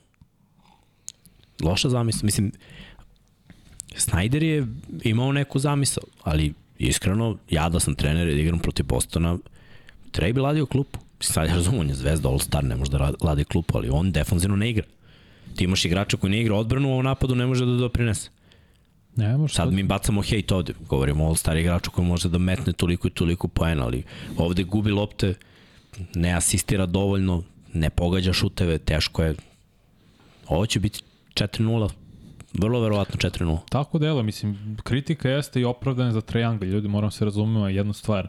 Triangle u, u regularnom delu sam to ono što stalno priča, ima super brojke, ali pre, pre napumpane statistike, zato sam izdvojio, znači napad Bostona je tako koncipiran da svih pet budu na liniji za 3 poena, znači prazan reket, onda je bilo utrčavanje par puta Tatuma koji lako završava ili prolazi zato što nema nikoga u reketu, prazno i onda lagano polože. Mislim, Jalen Brown je na All-Star meču sam rekao, kao ono, uh, this is a glorified layup line. Što drugim prevodom znači da samo ideš do kraja, polažeš i to je to. I tako je Boston uprostio svoju igru. I nije bilo neophodno, mislim ovo je kao bilo na kraju koliko, 15 razlike možda. Mogu Ma bilo je na trenutku 30. Pa to, to ste ga mogao lagano bude 30 do kraja. Da Išla je tekma, znaš šta, posle toga, mislim, gledao sam, gledao sam, gledao sam, u jednom trenutku sam, ono, iz kuhinje bacio pogled, pojačao TV da, da slušam Aha. i ono, bacim pogled da vidim samo ono, da li će nešto da se desi. Pa kad su spustili na 20, bilo dobro, ajde sad ću još malo da pogledam i onda sam skapirao da ne. se Boston igra. Znači, bukvalno, znaš ono orka kad se poigrava sa, da, sa fokom, bukvalno. To je bio taj fan. Demonstracija nadmoći. Jeste. To, to se ovde desilo. Mislim, žao mi Bogdan isto imao, nije imao nikakvu partiju nije imao ni dovoljno lopte kod sebe. Mislim, opet to je davljanje i Mareja i Younga konstantno i Snyder za njegovu pohvalu se trudio da Young bude na klupi, a Bogdan bude u igri. Da proba neko da pokrene napad, da ne bude samo izolacija jedan na jedan. Ali nije uspelo. Nije, baš nije. I žao mi je, ali Boston mi je sada, inače moj, moj kostor je bio drugačiji dok nisam vidio ovu tekmu. Mm -hmm. Ne samo ovu tekmu. I 140-99 Boston protiv Milwaukee ta tekma mi je rekla da Boston sve preuzima u odbrani na način na koji nisam video, znaš, oni su bili prošle godine u finalu, radili dobar posao, ali ja nisam video način da oni zaustave tom odbranom Golden State. I to se i desilo u finalu, nisu uspeli. To što nisu uspeli kao da im je bio motiv da još bolje zaigraju timsku odbranu. Ne pričamo o ono individualnoj odbrani da oni imaju dobre mm -hmm. pojedinci koji igraju odbranu. Njihova timska odbrana je toliko dobra da ja mislim da vidjet ćete posle Kostor moj i Kostor Vanjin. Vanja znam da gotivi Boston i, i da je to već dok smo pričali na Govestu, evo ja ću odati da mi je Boston skočio u očima, naročito nakon ove povrede Janisa i ove dobre partije protiv Atlante. Pritom, i radit ćemo sad malo i Filu analizu, meni delo je da, da Fila neće moći da, da, da se šeta s njim. A pričat ću i zašto. Ajmo, Tako da, da možemo da... Pa to je ostalo. Fila odbranila domaći teren lagano, stvarno 2-0 protiv Netsa. Netsi ono do polovremena daju neki otpor. Zašto? Double team. No, do, Embiid je najviše on udvojen čovek, igrač u NBA ove sezone. U prvom polovremenu Embiid nije bio primećen. Zato što je odbrana bila brutalna. I tu su se neci držali. Ne znam zašto. Mislim, znam zašto. Zato što je Embiid dovoljno pametan, visok da izbaci pas i da se napravi više i da neko šutno. Oni su odustali od te igre. E, onda se probudilo čudovište i to je bio kraj za, za Nets. No, samo on, James Harden je prvi meč odigrao ono klasično James Harden iz Houstona. Mislim, i da koliko šest ili sedam trojke stvarno je bio impresivan. Naravno će da kad je ovam udvojen centar. Pa tako je. I treba da da. Maxi je sinoć za 33, čini se, ali Harden je bio grozan sinoć Maxi u prvoj tekmi, ali dovoljno. Za Netse, mislim, oni nemaju ono star power. Nema Bridges se razvija i dalje kao zvezda, prvi tek mu je dao 23 na polovremenu, završio samo sa 26, znači da je 3 u drugom i nema ih ko drugi da. Žao mi što Cam Thomas ne igra. S tim imam problem, iskreno što Cam Thomas koji može da se ima 30, koji to to dokazuje, nije imao nikakve minute.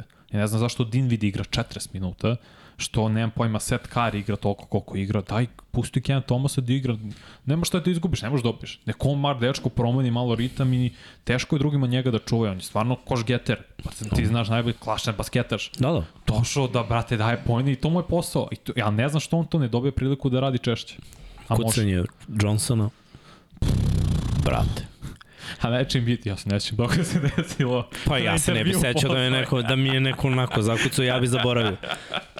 Kako se to, po, post-traumatski stres, da, kad potisneš. PTSD. Ne, neprijatno sećanje. Bilo je, Dečko je razneo. To uz Westbrook, ovaj potez za odbranom je za sad ono, glavni potez prve runde, ali to je samo to, potez. Dobro. Nažalost, Neci mislim da će biti, ne znam da će moći Emers da izvuku, ali Fila onako treba da razigrao druge. Mi znamo da će Dobro, i Tobaje se probudio malo. Jeste, da sinoć je bio baš dobro. Imao je pa i ono iz ukradene lopte mm -hmm. u Mhm. kontru i neke šuteve. Radio je posao Tobias Harris. Zato, znaš šta, oni imaju tog, mislim, on je po meni planirani treći igrač koji je postao četvrti igrač jer je Maxi izrastao u trećeg igrača. Jeste. Ali sada Fila kad pogledaš ima, ima četiri opasna igrača. Da, ba, ba, ja sve čitam, imao je Embiid 19 skokova, 20 pojena, 7 asistencija, top. To su neke brojke prvi put od Ga Garneta koji ima Da. to 2004. Pa ovo je, ne, ovo je mismatch. pa jeste. Ko, a ko će da mu uzme skok? Pa nemam ko. Kad su prodali sve što su imali od visokih igrača koji mogu da pariraju. Pa, Njihova jedina šansa- je centar. Njihova jedina šansa je bila da udvajaju i da ga nateraju da se oslobađa lopte i da se nadaju da bekovi ne mogu da pogode šuteve s polja. Nije se desilo. Bekovi su krenuli da prangijaju, sve je ulazilo i onda shvatiš da jednostavno bolja ekipa. Ne, Da, ti ne možeš ćemo- tu ništa. Ti si, vidjet ćemo protiv Bosna šta će biti, jer klupa File, sad gledam McDaniels, Niang, House, Reed, Melton, su to neki wow igrači sa klupe. Pre sve, ok, možda Melton jeste i bit će koristan, ali to će, to će biti baš teška serija za Fila. Iskreno. Pa da. Tu se sve svodi na, na istoku po meni. Da vidimo šta kažu ljudi za sada. Ne, da ga sad pol. Mislim, Pazi ono. Imamo 98 glasova. Ajde da ljudi bar do 100 da dođe pa da prekidamo anketu. Za sada je 53% Boston, 24% Milwaukee. Mm -hmm. Znači, ljudi vide da Boston rešava Phil. Phila je 14% i neko četvrti 8. Pa dobro, nema ko. Mislim, ima očigledno ko stavljaju, ali... Znaš. Pa da, eventualno to je iznenađenje, verovatno Cleveland ili Knicks, to je. Mm -hmm. Ne, ne, ne, sumnjam da ima neku drugi scenariju, iskreno. Ali da, definitivno ako pogledamo taj matchup, Možda Miami, možda misli da Janis neće igrati neki duži period. Ma. Ako tako bude slučaj. to će bude 4-1, 4-2 u najboljem slučaju. Tako mi je bar delo. Ali dobro, vidjet ćemo već večeras kada se igra utakmica, pa da ne pričamo ništa na pamet. Večeras, znači na programu tri utakmice, možemo malo i o tome. Mm -hmm. Samo da kliknemo ovde. Hawks i Celticsi, ubedljivo i lagano za Boston. Pa nemam šta da odam, ne znam šta treba da urade uh, pre svega Atlanta Hawks i kako promene game plan. Šta bi, šta bi ti uradio drugačije? Šta bi ja radio? Trey bi krenuo s klupe. Eto. Bio bi Pa šesti znam, igrač u ovoj seriji. Klupu. Mislim, u tome je problem, nemaju oni sad da klupu, tanki su tu. Nema Pa ko nisu da... toliko tanki, mogu da napare. Ne bi, pazi, neodrživo je za celu tekmu, nemoguće. Mnogo jače posto. Imaju i bolju rotaciju i bo, mnogo bolju timsku odbranu. I Browna i Tatuma, koji su igrali s pola snage, malte ne. Znaš, to je baš, baš, baš teška situacija za Atlantu. Imaju neke dobre, mislim, kažem opet neodrživo jer ne možda napraviš rotaciju za celu utakmicu. Jer ovaj mora da uđe u jednom trenutku i najbolje je da uđe kada uđe rezervni tim Bostona. Po mom mišljenju. Jer Dejonte može da, da radi posao. Da, može protiv Brogdona i protiv Derek White. Može. Dejonte je jako dobar igrač. A ne, a, izvini, u meni u glavi si ti rekao Trey Young. Ne, sve. na šta može trade? Trade može da uđe s klupe i da igra sa Izvini, rezervnom da, postavom, da, da. sa rezervnom postavom ovamo i, i da ofanzivno nadomesti to što defanzivno ne može da uradi. Jasno, jasno, jasno. jasno. Ali meni Atlanta se mnogo više sviđa kad je Dejonte play. I kad se igra pik, možda igra pik sa Collinsom, Capello bi izbacio, on, ne, on osim loba i ofanzivnu skoka, on nema nikakvu funkciju, ofanzivnu. Da. On polu distancu neće šutnuti nikad, ne može da pogodi slobodno bacanje, pametno je napraviti faul svaki put, znači bukvalno ga gledam, to, to je bez osjećaja bacanje. Znači bolje da igra Collins i oni ovako nemaju nekog klasičnog igraju s Williamsom i Horfordom, znači na, naći neki small ball i probati Uf, tako, ali da... Williams, kako je blokadu imao. Ma, Williams je zver. Brate. E, ko, on ima opet 12 pojena, 606 iz igre, 10 koliko, ne... Moram Ne, da igraju timsku odbranu brutalno. Svi igrači su im pokretljivi. Atlanta nema tu pokretljivost, mm. nema tu veličinu i to im je najveći problem. I zato neće dobiti, po mom mišljenju, ni jednu tekmu. Nego će biti metlica. A Knicks i Cavaliersi, Vraćaju Cavaliersi. moraju da odbrane domaći teren, makar da bude 1-1, da bi, ako odu 0-2 u New York, a znamo kako su fanovi Nixa, da je to odmah ludilo i sve, ne znam kako će moći da izvuku u TD Gardenu dve. Moraju sad da se vrate na kolosek i da pobede ovo. Biće neizvitno, to je najzanimljivija serija u istoku u prvoj rundi. Tako da očekujem da se vrate kao Lirsi i da uzme ovu, da uzmu ovu utakmicu. Pa mora. Ali, eto, vidimo ovde ljudi pišu da im se svidala ova analiza za davljanje lopte Mičela i jednostavno je tako, mora timski više. Uh mhm. -huh. Bez toga se neće desiti. Baš želim da vidim ovu utakmicu, da li će to da bude tako. Jer mislim da je tu šansa, da je tu razlika između mora da razigraš igrače oko sebe. Jer nama možda delo da Lebron ne preuzima, eto ja baš to poređenje moram da povučem, da ne uzima previše odgovornosti u nekim trenucima, ali zahvaljujući tom njegovom potezu imamo tim. E, to, to mislim da, ma, da malo fali Clevelandu. A s druge strane, Nixi igraju nekako timski. Imaju oni svoje solo momente, ali... Kad... Zašto Branson nije ego ne, manijak? Tako je. On je već naviko da igra s nekim Tako je. ko davi loptu. Tako je. Prošle godine. Yes. Ali taj neko, za razliku od, od Mičela, ima, ima i skokove i asistencije, ima triple-double. Da, da. Mitchell asistencije u svojoj igri dešava se neka ni da nema. Dobro. I poslednji meč? Ajmo. Šta je? Jesmo pa sve ne, prošli? najavu poslednjeg meča. Clippers i Clippers, Clippers i Stanci. Uh. Ja mislim da, do, do, ovo Phoenix dobija. Ja toliko hoću da kažem da Clippersi dobijaju. Pre svega jer moram kažem da sam ja izabrao da će Clippersi da pobede u seriji.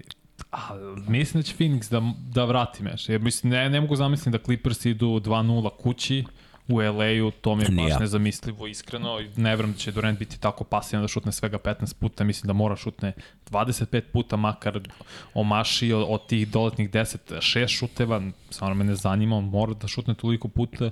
I neko Buker, kao da je pao malo u senku kad je Durant došao. Ne, neko mora i onda se pokrene, da bude onaj Devin Booker koji je bio pred dve godine u play-offu, što je, mislim, pre svega bio glavni uzrok zašto je Phoenix otišao u finale tada. Tako i naravno bolje partija Chris Paula 2 od 8 je nedopustivo. Koliko god ima asistencije i minimalan broj grešaka. Evo, Kalu kaže, pozdrav Kalu, Scott Foster sudi Večeras? 14-0 protiv pa, Krisa Paula. Znači Phoenix 0-2 je. pa, pa da, da, ako je Scott Foster, što to je neverovatno da on čovjek ne može Chris Paul da pobedi kad ovaj su. Da. Pa dobro, ej, znaš šta, kad god su ti nizovi u pitanju, svaki niz mora da se sruši, mora padne nekad. Da. Naročito kad je ovakav, nije ni 3-0, znaš, 3-0, 4-0, 5 nego 14. Znaš, ono, toliki je fiks da mora da se desi da, da, da ne bude, znaš, mora da verujemo u ovo drugo. Pritom, opet, lepo si rekao, Durant mora bolje, imaju oni igrači koji mogu više, definitivno neki igrači s klupe bi mogli da, da pojačaju malo. Ti si rekao Šemet, eventualno. Šemet mi je baš bio u šestom planu. Znaš, toliko minuta za, za tako mali broj poena, a mi znamo da je on dob, dobro trčava ove backdoorove, može pogodi trojku. Dobro što trčava. Ima neku energiju. Ništa toga se nije videlo. Sve bi to moglo da bude bolje, ali nekako najviše za Chris za Krisa Pola mislim da mora on da podigne igru na viši mm -hmm. nivo, jer on je ipak neko ko mora bez, da, da nađe balans između toga da ima asistencije i da ima poene. Mora da ima više od 10 poena. Mora da bude dvocifran. Mislim, moramo mi da budemo svesni da Chris Paul više nema, nema, nema to u sebi da konstantno bude odličan. On mora da bira partije u kojima će dati ono sve od sebe, da će imati 20 poena, ne znam, 11, 12, 13 asistencije i to je to. Ne može više da ima to konstantno, da bude uh, lider nekog tima, nego sad što je stariji, bira mečeve, ok, ovde ću pokidam, ovde ću šutnuti više od 10, 12, koliko god puta i to je to. Iskreno zanima me da vidim Ejtona u duelu protiv ove dvojice, jer bukvalno Ejton igra protiv dvojice. Zubac radi odličan posao, Plam nije dovoljno naučio da pomogne. Mm -hmm, mm -hmm. I unapredili su, Plam je unapredio svoju igru pored Jokića da je naučio u napadu da doda loptu i da se kreće nakon toga. Zubac to kao evropljanin vrlo dobro zna i, i stvarno se dobro kreće i njih dvojica su imali obojica više od 10 skokova. Ejton treba više da radi na tome. Sad, naravno, teško je, ali mora. Jednostavno mora. Mislim da je Zubac imao 11, a... Za, 15. 15. Da, Zubac imao 15, Plamli ima 11. Plamli ima 11. Da, da. mislim jedno, pričam drugo. A, pazi koliko je to dobar tandem. Kada bi Ejton i Chris Paul više igrali pick and roll i tu našli nešto, on mislim da bi to bilo mnogo bolje. I iz toga mm -hmm. bi se izrodilo više za Bukera i Durenta, da oni uzimaju šute bez nekog pritiska, da li sam uzeo šut kad je trebalo, da li sam isforsirao ili nisam, jer ako kreneš da razmišljaš u tekmi o tome, da li si uzeo šut koji je trebalo ili nije, onda nema šanse. Koliko je Buker imao poena na prethodnom meču? Ne mogu da se setim.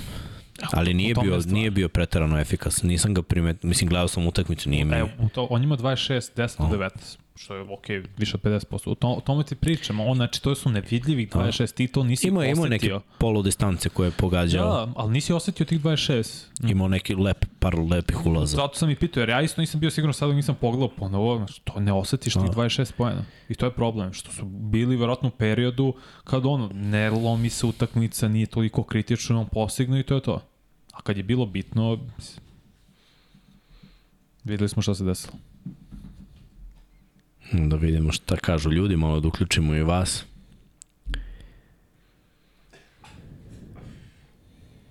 Dobro, dobro, dobro. Komentar za Peru ima. Da se da promeni logo. A nije Pera pravio logotip, samo ću vam kažem.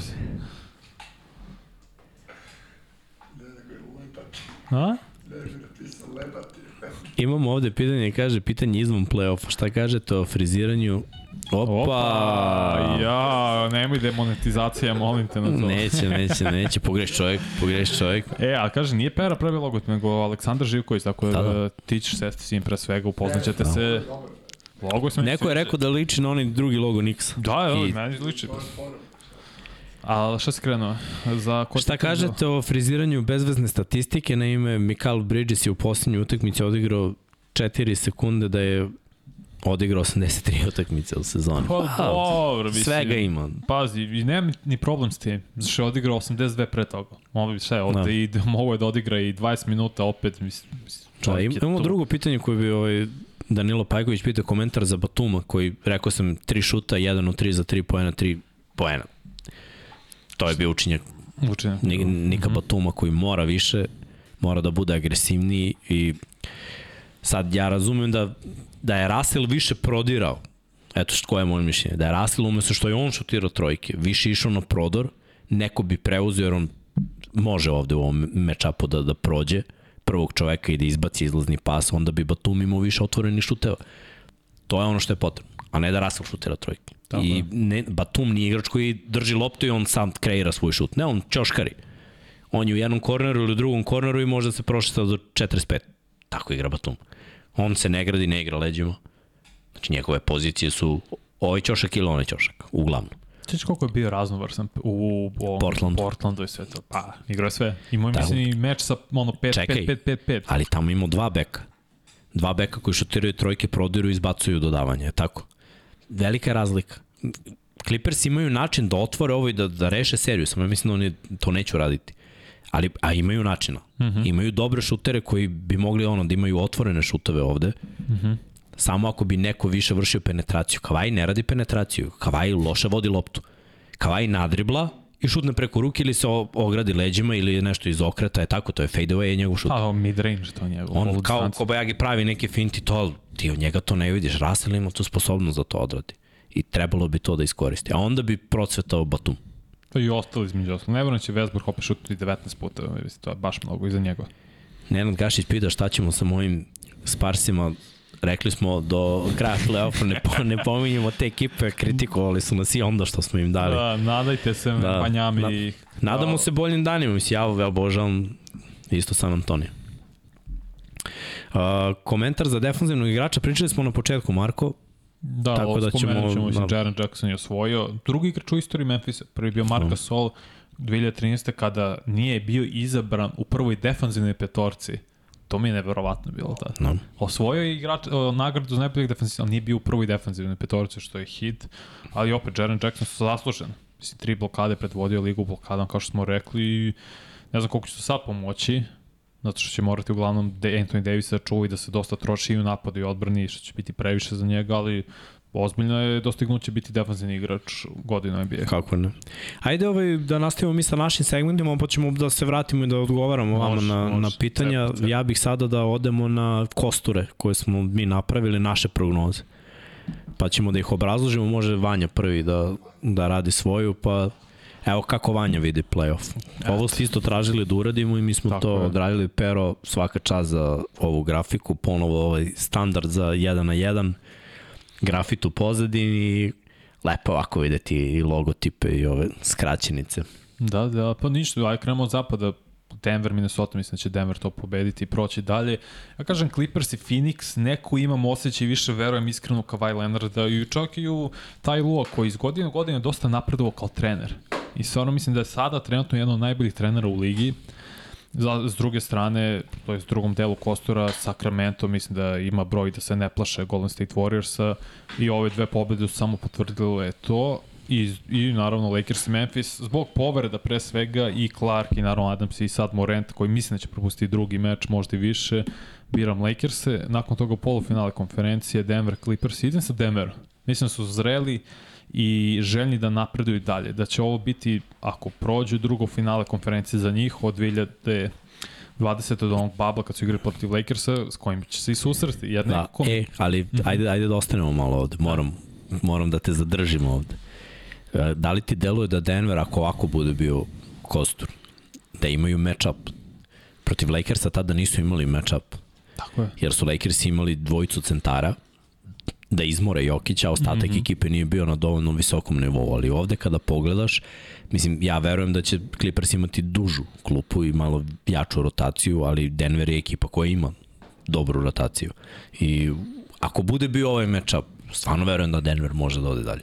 Da, zato mislim da će više se muče protiv Clippersa nego protiv Lakersa, jer protiv Lakersa... A zašto vidiš da Lakersi mogu da dobiju Sacramento? Sacramento. Zašto je Sac E, tu će stupiti neiskustvo Sakramenta i prevelika želja, jer mislim da oni nemaju rešenje za Davisa i za Lebrona. Jer to, to, to su dve različite zveri nego Kari, Clay Thompson i ovi ostali. Pre, između ostalo, ne mogu Jacko Devon Mitchell i nema pojme, ako da čuva LeBron James, ali ne, Anthony Davisa takođe. Nije sam, mislim, on si ok, dobar igrač odbrane, nije vrhunski. Tako da, zato mislim zbog iskustva pre svega i da će Lakers i pre svega LeBron nametnuti svoju volju nad Kingsima i zbog toga pobediti. A protiv Denvera u finalu konferencije, prosto Denver ima bolji match-up, što si ti rekao. Mislim da će im biti lakše nego protiv Clippersa. I da će do tada već Lakersi da sumora, jer jesu starija ekipa, jer opet LeBron u 20 toj sezoni, 38 godine, imao je problem s povredom, opet je propustio 25-6 utakmica, Anthony Davis stalno toliko propušta, mislim da će ih sustići odmor kad tada. Možemo da vidimo, zapravo. Srki, još jednu Vanjin Kostur Da. To moram da ispranim Peru, da Miami nije sedmi nosilac, ali nema veze. Jer su bili sedmi. No, na istoku, ako je Milo, ako je zdrav Janis, to je mislim Milwaukee. Iskreno, ako nije zdrav, to je onda druga priča i onda mislim da Miami ima priliku da izbaci Milwaukee, jer se opet Milwaukee najviše muče protiv Miami. S druge strane, Cleveland, Knicks i dalje verujem u Cleveland, je nakon ovog meča. Mislim da će izvući pobedu zbog svog talenta. Phoenix, Brooklyn to lagano, ovaj Phoenix, Philadelphia, Brooklyn to lagano, Philadelphia, Boston, Atlanta lagano, Boston, e, ovde postane zanimljivo. Ako Jani zdravo, opet od toga počinjemo, Milwaukee dobija Cleveland 100%. Na iskustvo, na prosto bolji tim, bolju hemiju i bili su već ovde. Već znaju kako se igraju ove serije, dok Cleveland će biti prvi put da igra za nešto ozbiljnije, makar taj core, core tim, a Boston i Philadelphia to će biti 7 utakmica iskreno. I mislim da će Boston pre svega, jer su bolji tim, jer na kraju krajeva bekovi i krila pobeđuju u ovoj ligi. Ne verujem da će Embiid uspeti na defanzivnu orijentaciju i defanzivnu šemu Bostona da nametne svoju volju i da će uspeti da dominira kao u regularnom delu sezone. Dok s druge strane ne vidim ko će da čuva i Browna i Tatuma. Konstantno. Teško, teško je. Baš je teško. Na visokom su nivou. Da, da, obojci su, kažete, beli. S tim što smo videli samo, uh mhm. -huh. mislim, seti se finala prošle godine. Wiggins je rešio Tatum. I Brown je odigrao vrhunski meč, ali Tatum nije. Tatum ima mnogo izgubljenih lopti. Tu se, tu se malo može povući neka paralela i naučiti nešto. Eto, eventualno kao da naučiš kako. I Tako ti je. vidiš Celticse kao prvaki. Da, verujem da su zreli Boston Celticsi da usvoju. Da, su, da je zreo i Brown i Tatum, da imaju iskustva, igrali su četiri finala konferencije, jedno NBA finale, da će za Denver biti ovo novo iskustvo, prvi put igraš finale. Ne verujem da će sad biti, pre svega Jokić, da će sad pasti pod očekivanje ili uh, jakim svetlom šta god, ali mislim da je vreme za Boston da napokon kruniše ovih poslednjih 3-4 godine igranja jedne vr, uh, košarke na vrlo visokom nivou. Da je to sada. Dobro. Ajde, ajde, lagano. Tako moje na kraju, ti dok nađeš, Boston u finalu pobeđuje Denver Nuggets i mislim da je uspeh za Denver da odvede timu, da Jokić odvede svoj tim u play-off, to je da odvede partner u finale. Da, da. Pa gledaj, to je minimum. Je tako? Da bi ljudi prestali da, da pričaju. Meni je minimum finale konferencije. Pošto i dosta porede njega i Embiid, Embiid nikad nije bio tamo, ovaj bio jednom. Ako odvede još jednom svoj tim, Embiid ne odvede, onda nema zašto da se kritikuje Jokić. Ali mislim da će uspeti do finala da dođe. Uh, ajmo, ajmo Srki, je tu moja prognoza. He. Evo kako ja vidim, krenut ću od uh, istoka, da ne bude, da malo promenim, da ne bude kao Vanja. Uh, ja mislim da će Milwaukee da reši Miami, eventualno Miami možda dobije još jednu tekmu, ali i to je upitno. Mislim da će Nixi dobiti Cleveland. Mislim da imaju, da su za nijansu bolji. Eto, da, da imaju malo bolji match-up i da će na kraju uspeti da triumfuju, ali mislim da će biti napeto, može Cleveland da im zagorča život i da se to oduže na sedam utakmica, e onda će oni biti potrošeni, mislim da će Milwaukee to lakše rešiti, da će biti odmorniji u toj seriji i vidim da oni prolaze dalje, što mm -hmm. znači da Milwaukee Bucks se vidim u finalu. S druge strane, Fila bez ikakvih problema dobija svoju seriju, Boston bez ikakvih problema dobija svoju seriju, neće se potrošiti mnogo ni jedni ni drugi, ali ćemo na kraju doći do toga ko je bolje od ova dva tima. Ja mislim da Boston rešava, još uvek nisam video od File timski da mogu da pariraju igri Bostona. I mislim da timska odbrana Bostona može da reši Filu. Verujem da će, zahvaljujući vrhunskoj igri Embiida, ova serija biti neizvesnija. I da možda može da ode u 7. Ali vrlo verovatno 6 ili 7 u korist Bostona. Prenos domaćeg terena ima Boston, to je problem za Filu. Isto to Između ostalog. E sad Milwaukee ima prenos domaćeg terena u odnosu na Boston, ali onih 140-90 da je, mene to, nekad se probudim, noću znoja. I ako, dalje 50 razlike. ja više gotivim Milwaukee. I navijaću za Bucks, jer ja nisam obožavam. Ali mislim da, da je ipak... Prošle godine su Celticsi napravili nešto i to, to i dalje traje. I ovo su njihove godine sada. Znači, Baxi su osvojili, bili su prvaci nakon toga i to je minimum, to je mali pad. Ali Boston je krenuo gore, a Milwaukee stagnira. Je tako? I imaš neki taj osjećaj. Da se nije razvilo toliko. I... Izgubili su neki igrače. Meni je PJ Tucker što je otišao veliki gubitak za njih. Jasno. Bili su bolje defanzivno dok je bio. I sad, sad ono Grayson Allen pa neki pokušaj i oni dalje imaju svoju veliku... Razvio. Pa da, imaju oni svojih 4-5. Mm -hmm. Brook i Portis na Middletona, na Drua i na Janisa i da kaže da je, da je to neki kostur ekipa, ovo ostalo se menja, ali to što se promenilo je slabije od onoga što je bilo. Znaš kako, mislim iskreno prošle godine da je Middleton bio zdrav, mislim da bi Milwaukee otišao u finale.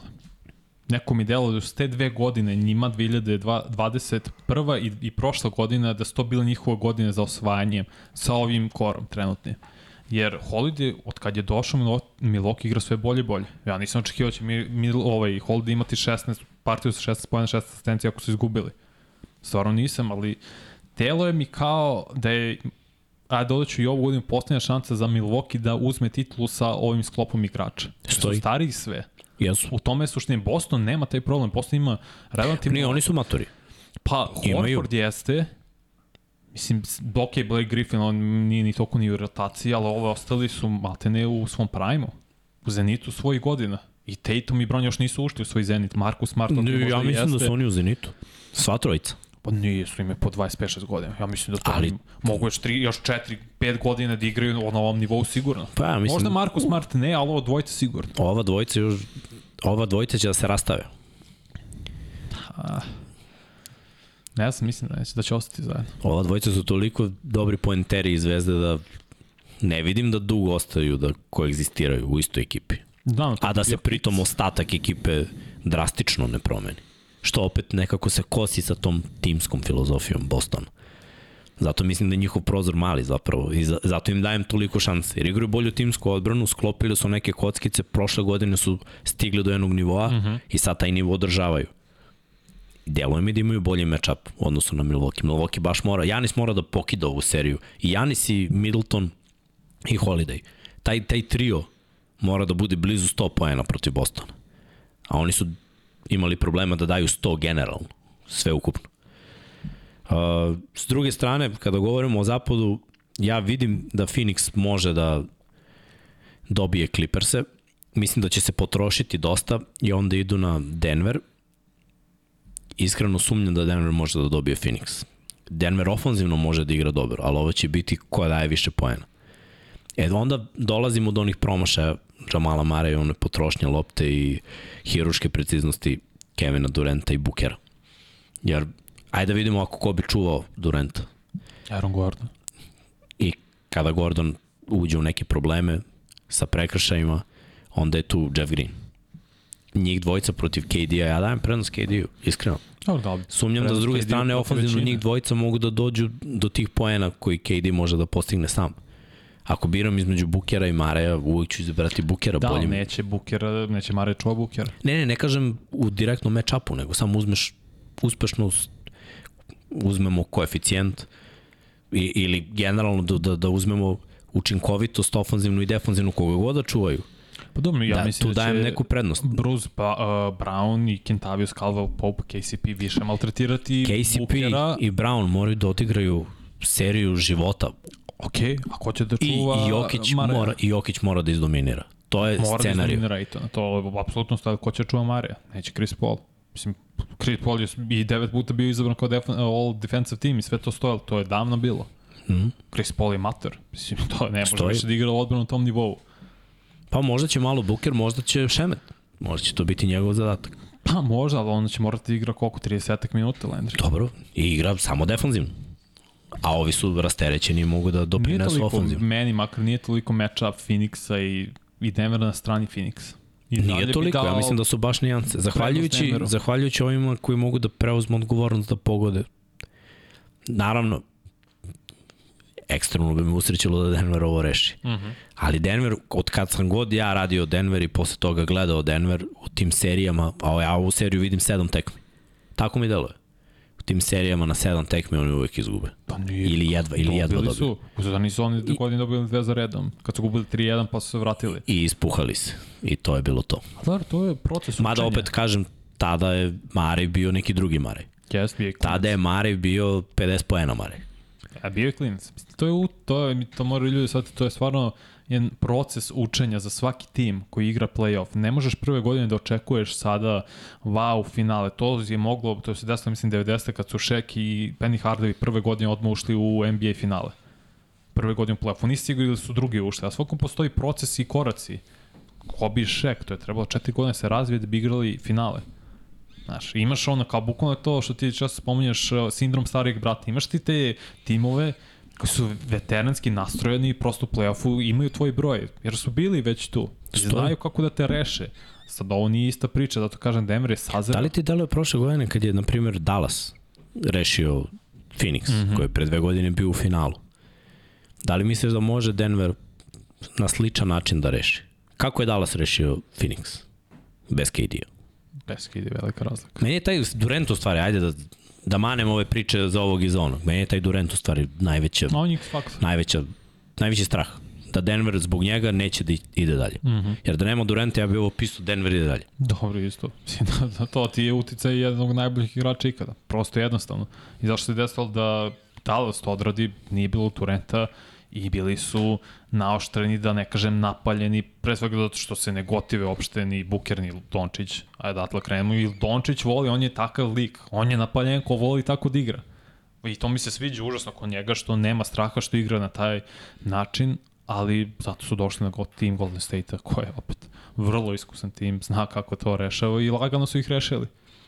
Da li vidiš neki, neki match-up ovde? Znači, ja opet mislim za Denver Jokara mora da izdominira ovo i da ga malo sa igrači posluže, mm -hmm. da pogađaju te neke šutevi na svežinu.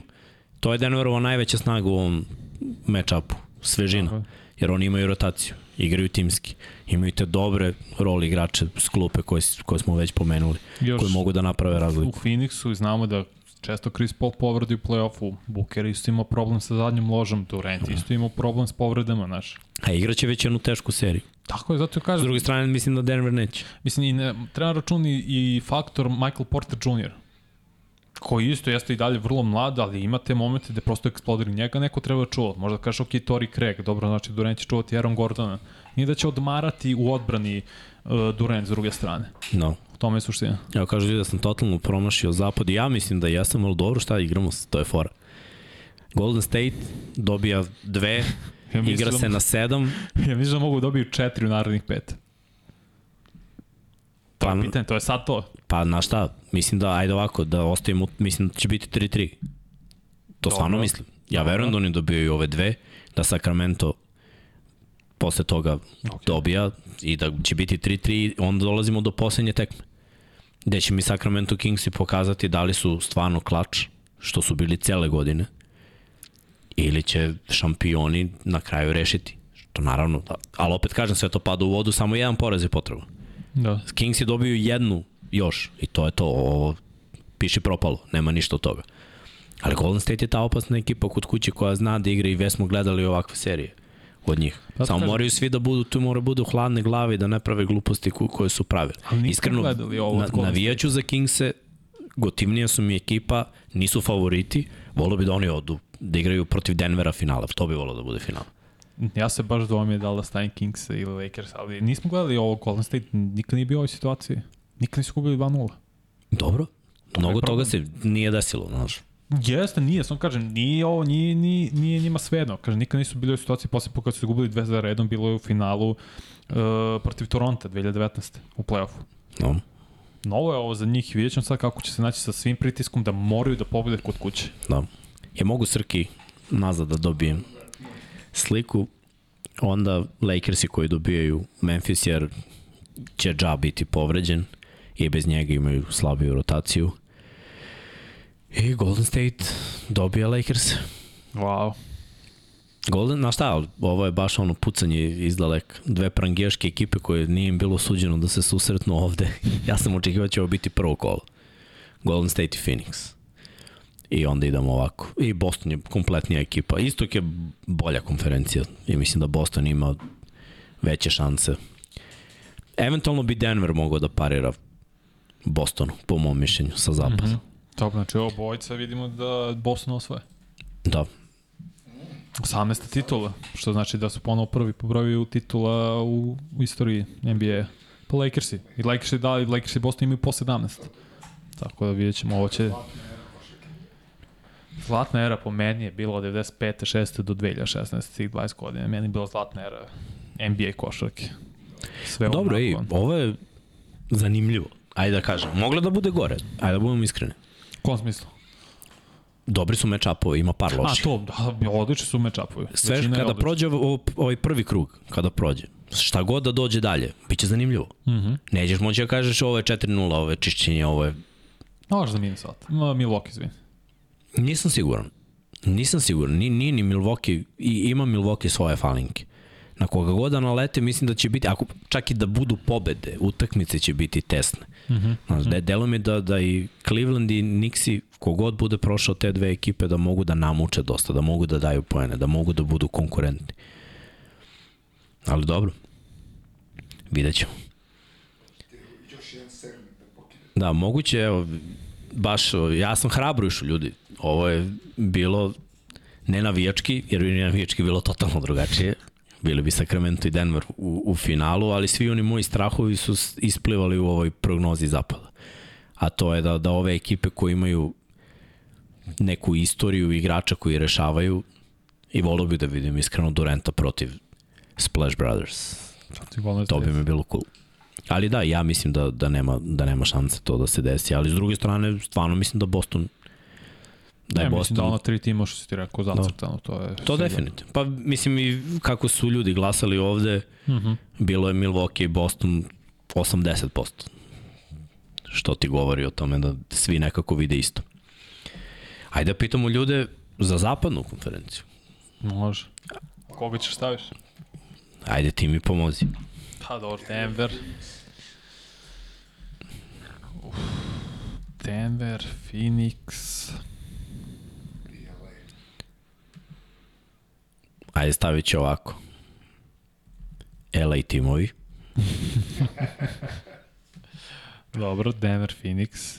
I šta? I ko je četvrti? Neko, neko četvrti, ja. Opet ćemo da ignorišemo Sacramento. Nećemo da, da, da upisat ćemo, upisat ćemo ko je.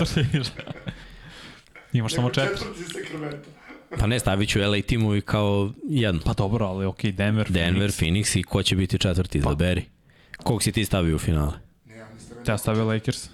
I protiv Denvera. Da, a u polufinalu mi je Sacramento. Ja sam stavio Phoenix i Golden State. Gledaj Golden State, sad kad bude imao nula glasova.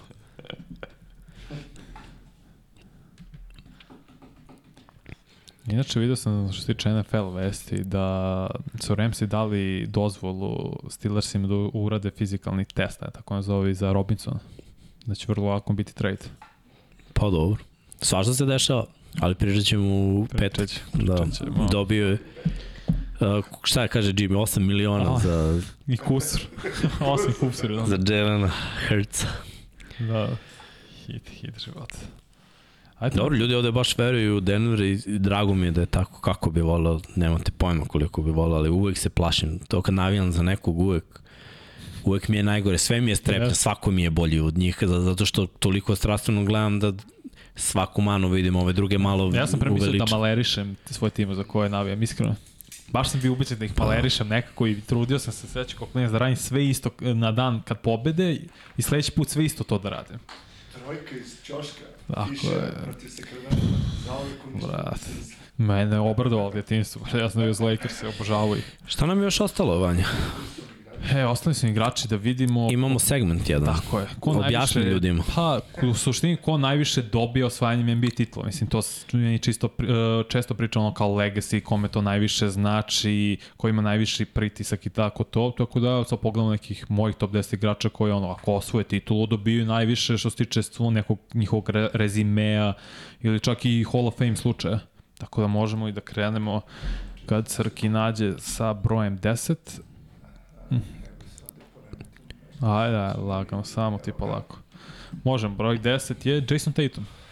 Baš smo pričali o, kažete, bojci smo birali zapravo Boston da osvoji. Verujem da bi onako označilo i možda početak nove ere u NBA-u, jer ja verujem da Boston ako sad osvoji, zadržat će svoj kor minimalno još dve godine. Znači još dve sezone nakon ovog. I bit će stvarno ozbiljan kandidat da sledeće godine odbrane titulu i budu i da dve favoriti za NBA titul. Tako da sad ako Tatum osvoji, sve će, se, sve će pasti u vodu u smislu, ok, Boston je igrao finale konferencije i gubio, Tatum bio loš prethodne godine u finalu, sve to stoji, bio je loš i i previše izgubljenih lopti bilo. Ako sad osvoji, ne mora nužno i da bude e, MVP finala, ako bude dodatni plus, to će sve pasti u vodu jer je doneo Bostonu titul. Tako da to, ono, prošlogodišnji finale će biti oprošteno. Koliko gubi Tatum ako to ne uradi? Ne mnogo. Ako, ako to ne uradi za karijeru ili generalno? Ma ne, ne, ova godina. Pa Ne, ne karijera. mnogo. Neko, ako opet dođe do finala konferencije, mislim, to iste će priča biti, ok, Boston je tu, ali ne može da napravi taj sledeći korak. Jer kad sećamo ono, koliko je trebalo Pirsu, Garnetu i Allenu, prvi godin da uzmu, ali Pierce je pre toga 10 godina ništa nije os- osvojio u Bostonu, dok nisu došle ova dvojica. Tako možda ne nužno jer je bilo konstantno nekoj vrstu uspeha u play-offu. Finale konferencije prošle godine, finale. Tako nije mnogo, ali krenuće pritisak da raste sve više vist- i više zato što je Tatum podigao nivo igre. Bio je realno top 5 kandidat za MVP ove godine. Tako da iz godine u godinu će sve to više da raste. Mislim da sad još nismo došli do tog momenta da će da, da kažem, voda prelije čašu. Dobro. Idemo na poziciju broj 9 da je Jimmy Butler. Jimmy Butler.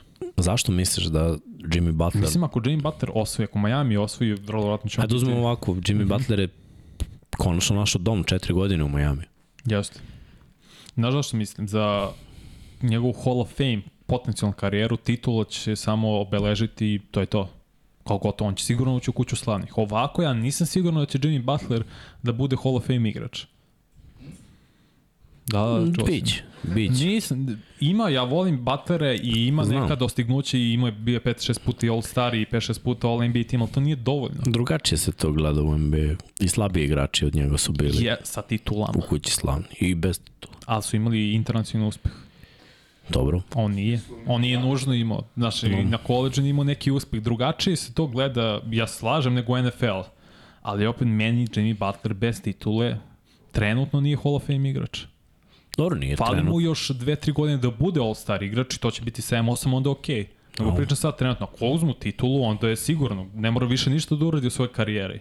Jer neko, delo mi da je bila propuštena prilika pre, dve, pre tri godine u Bablu, prošle godine kad je omašao onaj šut protiv baš Bostona, mogli su da igraju finale, sve su tu, ali on je sve stariji i fali mu taj uspeh da obeleži svoju karijeru. Super je što je odveo Miami u finale, da se razumemo, ali titula je to što dosta njima obeležava karijere. Stoji. Stoji. Ali Jimmy... Opa, Lebron. evo, neko je napisao ovde. Šta da kažem?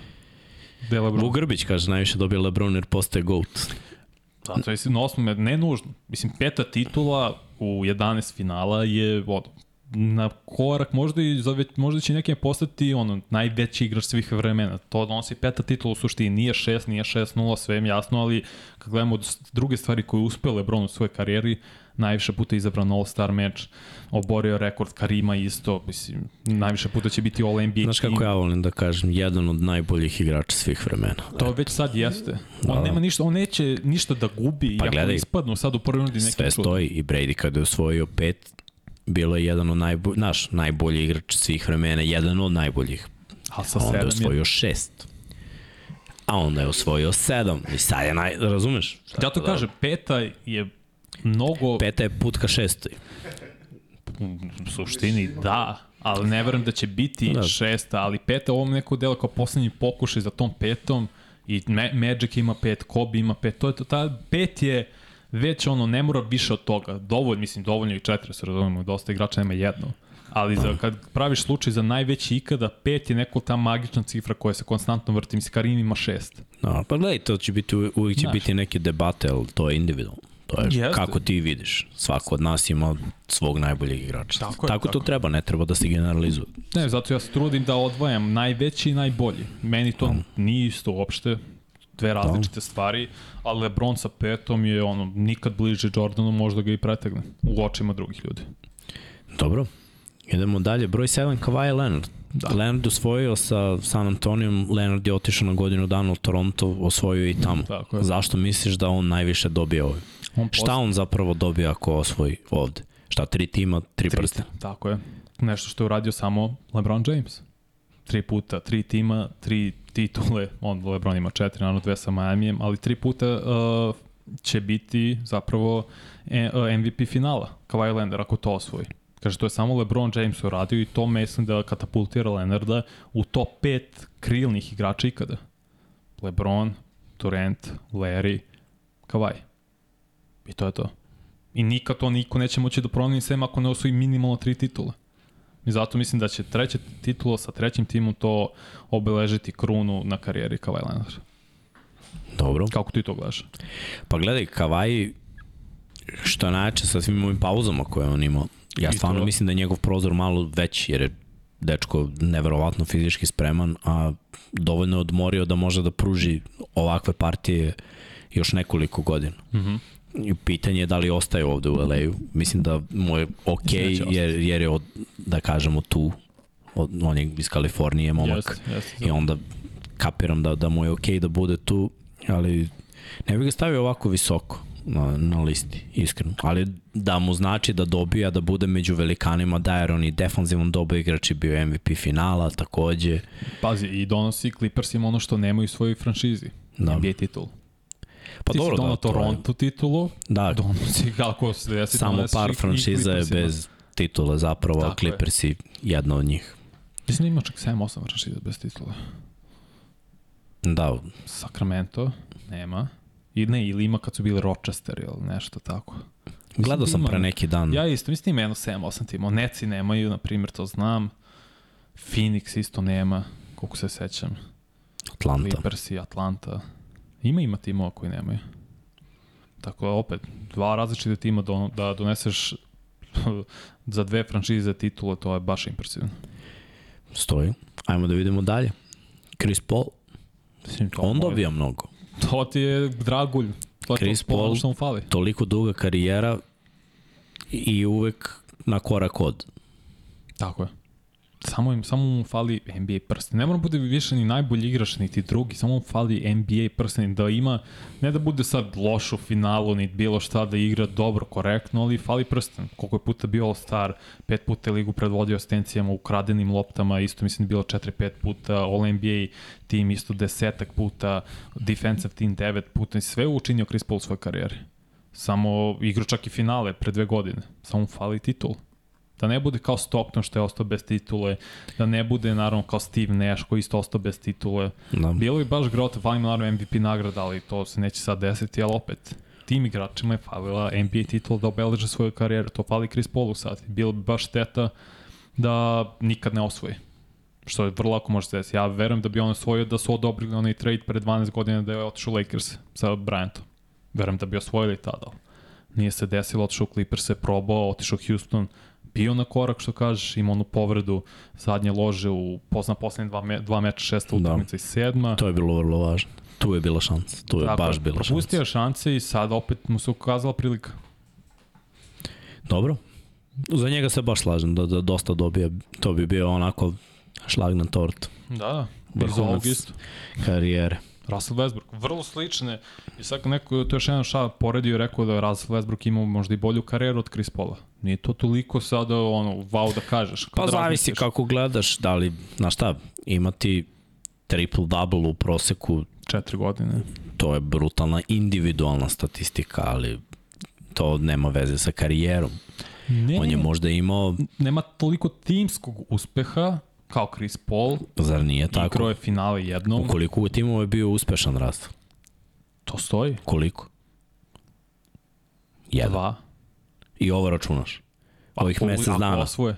A, dobro, ajde, ako osvoje, priznajem. Znaš šta je najdođe? Ali ajde da budemo realni, u ovom trenutku, u ovom trenutku. Russell je bio dobar u jednom timu, u svom timu, u Oklahoma. Tako je. I to je to, gde god da je otišao nije se uklopio i sad je našao ekipu gde se uklopio i gde može da doprinese na razne načine. Mm -hmm. Ali da li on doprinosi svojim stilom i da li je taj stil približan onome što radi u Oklahoma? Nije. Ovo nije ni, ni blizu onog triple-dubla sa onim brojem postignutih poena. i- Jel tako? Niko neće ni biti. Ja to gledam kad poredim karijere. Chris Paul je bio jedna konstanta godinama. A Russell je jedna eksplozija koja je trajala i bila savršena. Sad zavisi šta gledaš, da uzmeš taj mali uzorak. Pa nije, Okej, gledaš ali- sve, gledaš koliko je ko puta bio All-Star igrač, All-NBA igrač, ima Russell toga, po 7-8 sigurno. Ima, zahvaljujući nekim drugim talentima. Pa Mislim, nije, opet i to to je- je do ukusa.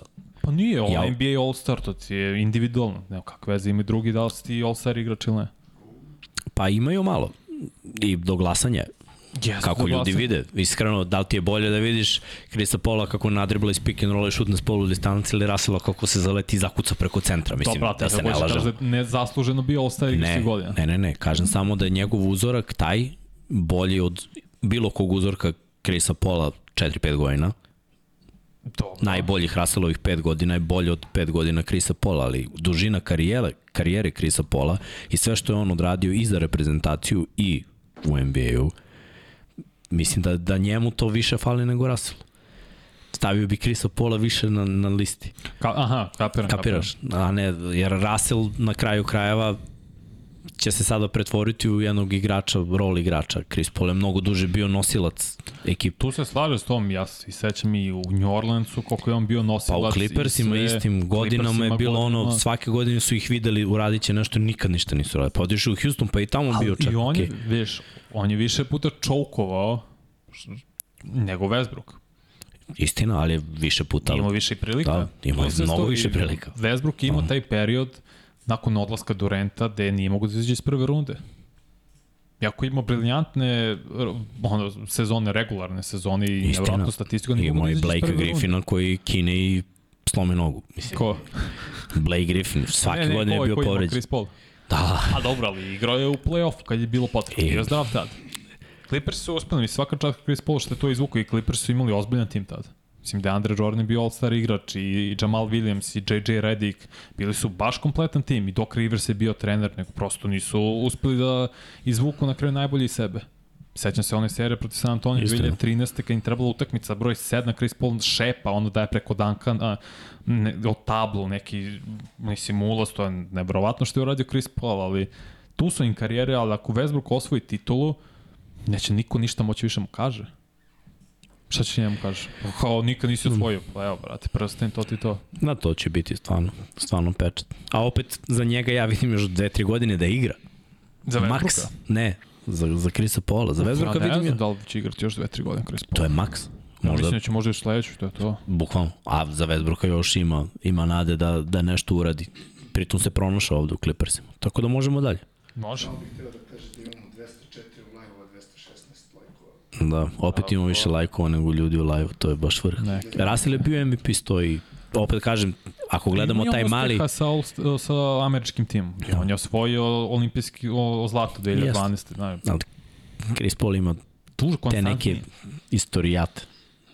Ja bi im bi dostavio više, Ja ne, iskreno. jer će tek sada pritisak biti na Embiidu zato što je osvojio MVP nagradu. Tek ove godine. Misliš da je osvojio? Ja mislim da Da je. je to pročito. Ja mislim da jeste. Ma, da nemoj mi pričaš ovde u podcastu, šta sam rekao? Nemoj da mi plasiraš posle ljudi da mi izdvajaju tamo i, e, Ne. ovaj tvoj je rekao. Neke, ja mislim da će Embiid da osvoje godine MVP To može, ja mislim da će. Ali... Ok.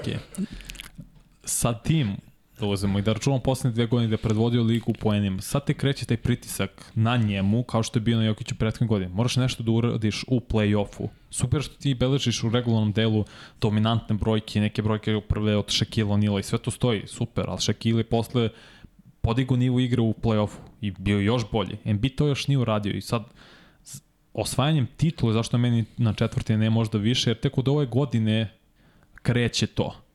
Možda je krenulo od prošle, da se isprema. Od prošle godine tek je to krenulo da on mora da osvoji da dogura dalje. Jer nije prošao drugu rundu uh, play-offa za sada Embiid. To je neprihvatljivo za jednog od najboljih igrača u ligi. A on jeste sigurno to. Ali ako se desi da uzmu titulu, to je to. Niko više opet neće moći ništa da mu kaže. To je cela pojenta za sve igrače, sve vrhunci igrače koji nemaju titulu. Jer šta, vidjet ćemo posle da je Jokić na listi, ista stvar. A šta si uradio u play-offu? Isto je pitanje. Da. Pa dobro, znaš, na početku karijere svakog velikog igrača, Mm -hmm. a oni jesu veliki igrači, jedan i drugi, moramo, to, u svakom sportu, postavi se to pitanje. Šta si uradio u play-offu, šta si uradio u tim najbitnijim momentima, Tako je. zar ne? Mislim i zadatak medija jeste da postavljaju takva pitanja, zato ide veliki pritisak. Najveći pritisak imaš kad si mlad. Tebra, kad I pritom ne uđeš, znaš šta, za, za Tatuma je donekli bio veliki pritisak, on je prošle godine bar ušao u to veliko finale. E sad je vreme za, za ove druge mlade igrače da uđu mm -hmm. bar u to veliko finale. To je onako, po mom mišljenju, kad je Chris Paul ušao u prvo veliko finale? U 16. sezoni. Pre dve godine. Tako je. To je problem bio. Da je ušao ranije, znaš, ti kad uđeš u, sad, sad nekako se stvara drugačija slika. Kad je Russell Durant, kad su oni ušli u prvo finale, ko klinci i Harden. Nisu, nisu ni znali, ja mislim, šta, šta, šta im se sprema kada su ušli u to finale. Da, da. I posle toga je samo Durant uspeo i to zato što se priključio najjačoj ekipi. Pa se namestio da. Peytonu tamo na Yes. alley na zakucavanje. Ali budimo realni. Mora, neophodno je to, makar final, makar Da li nešto. misliš da je realno to za Embiid ove godine? Mislim da nije, kao što Veliko vidio i finale. ja. Mislim da Boston je bolji tim i mislim da su bolji i da je i Milwaukee bolji tim. Mislim, njima se baš loše pok- poklopilo da idu i na Boston u drugoj rundi, potencijalno i na Milwaukee, potencijalno u finalu konferencije.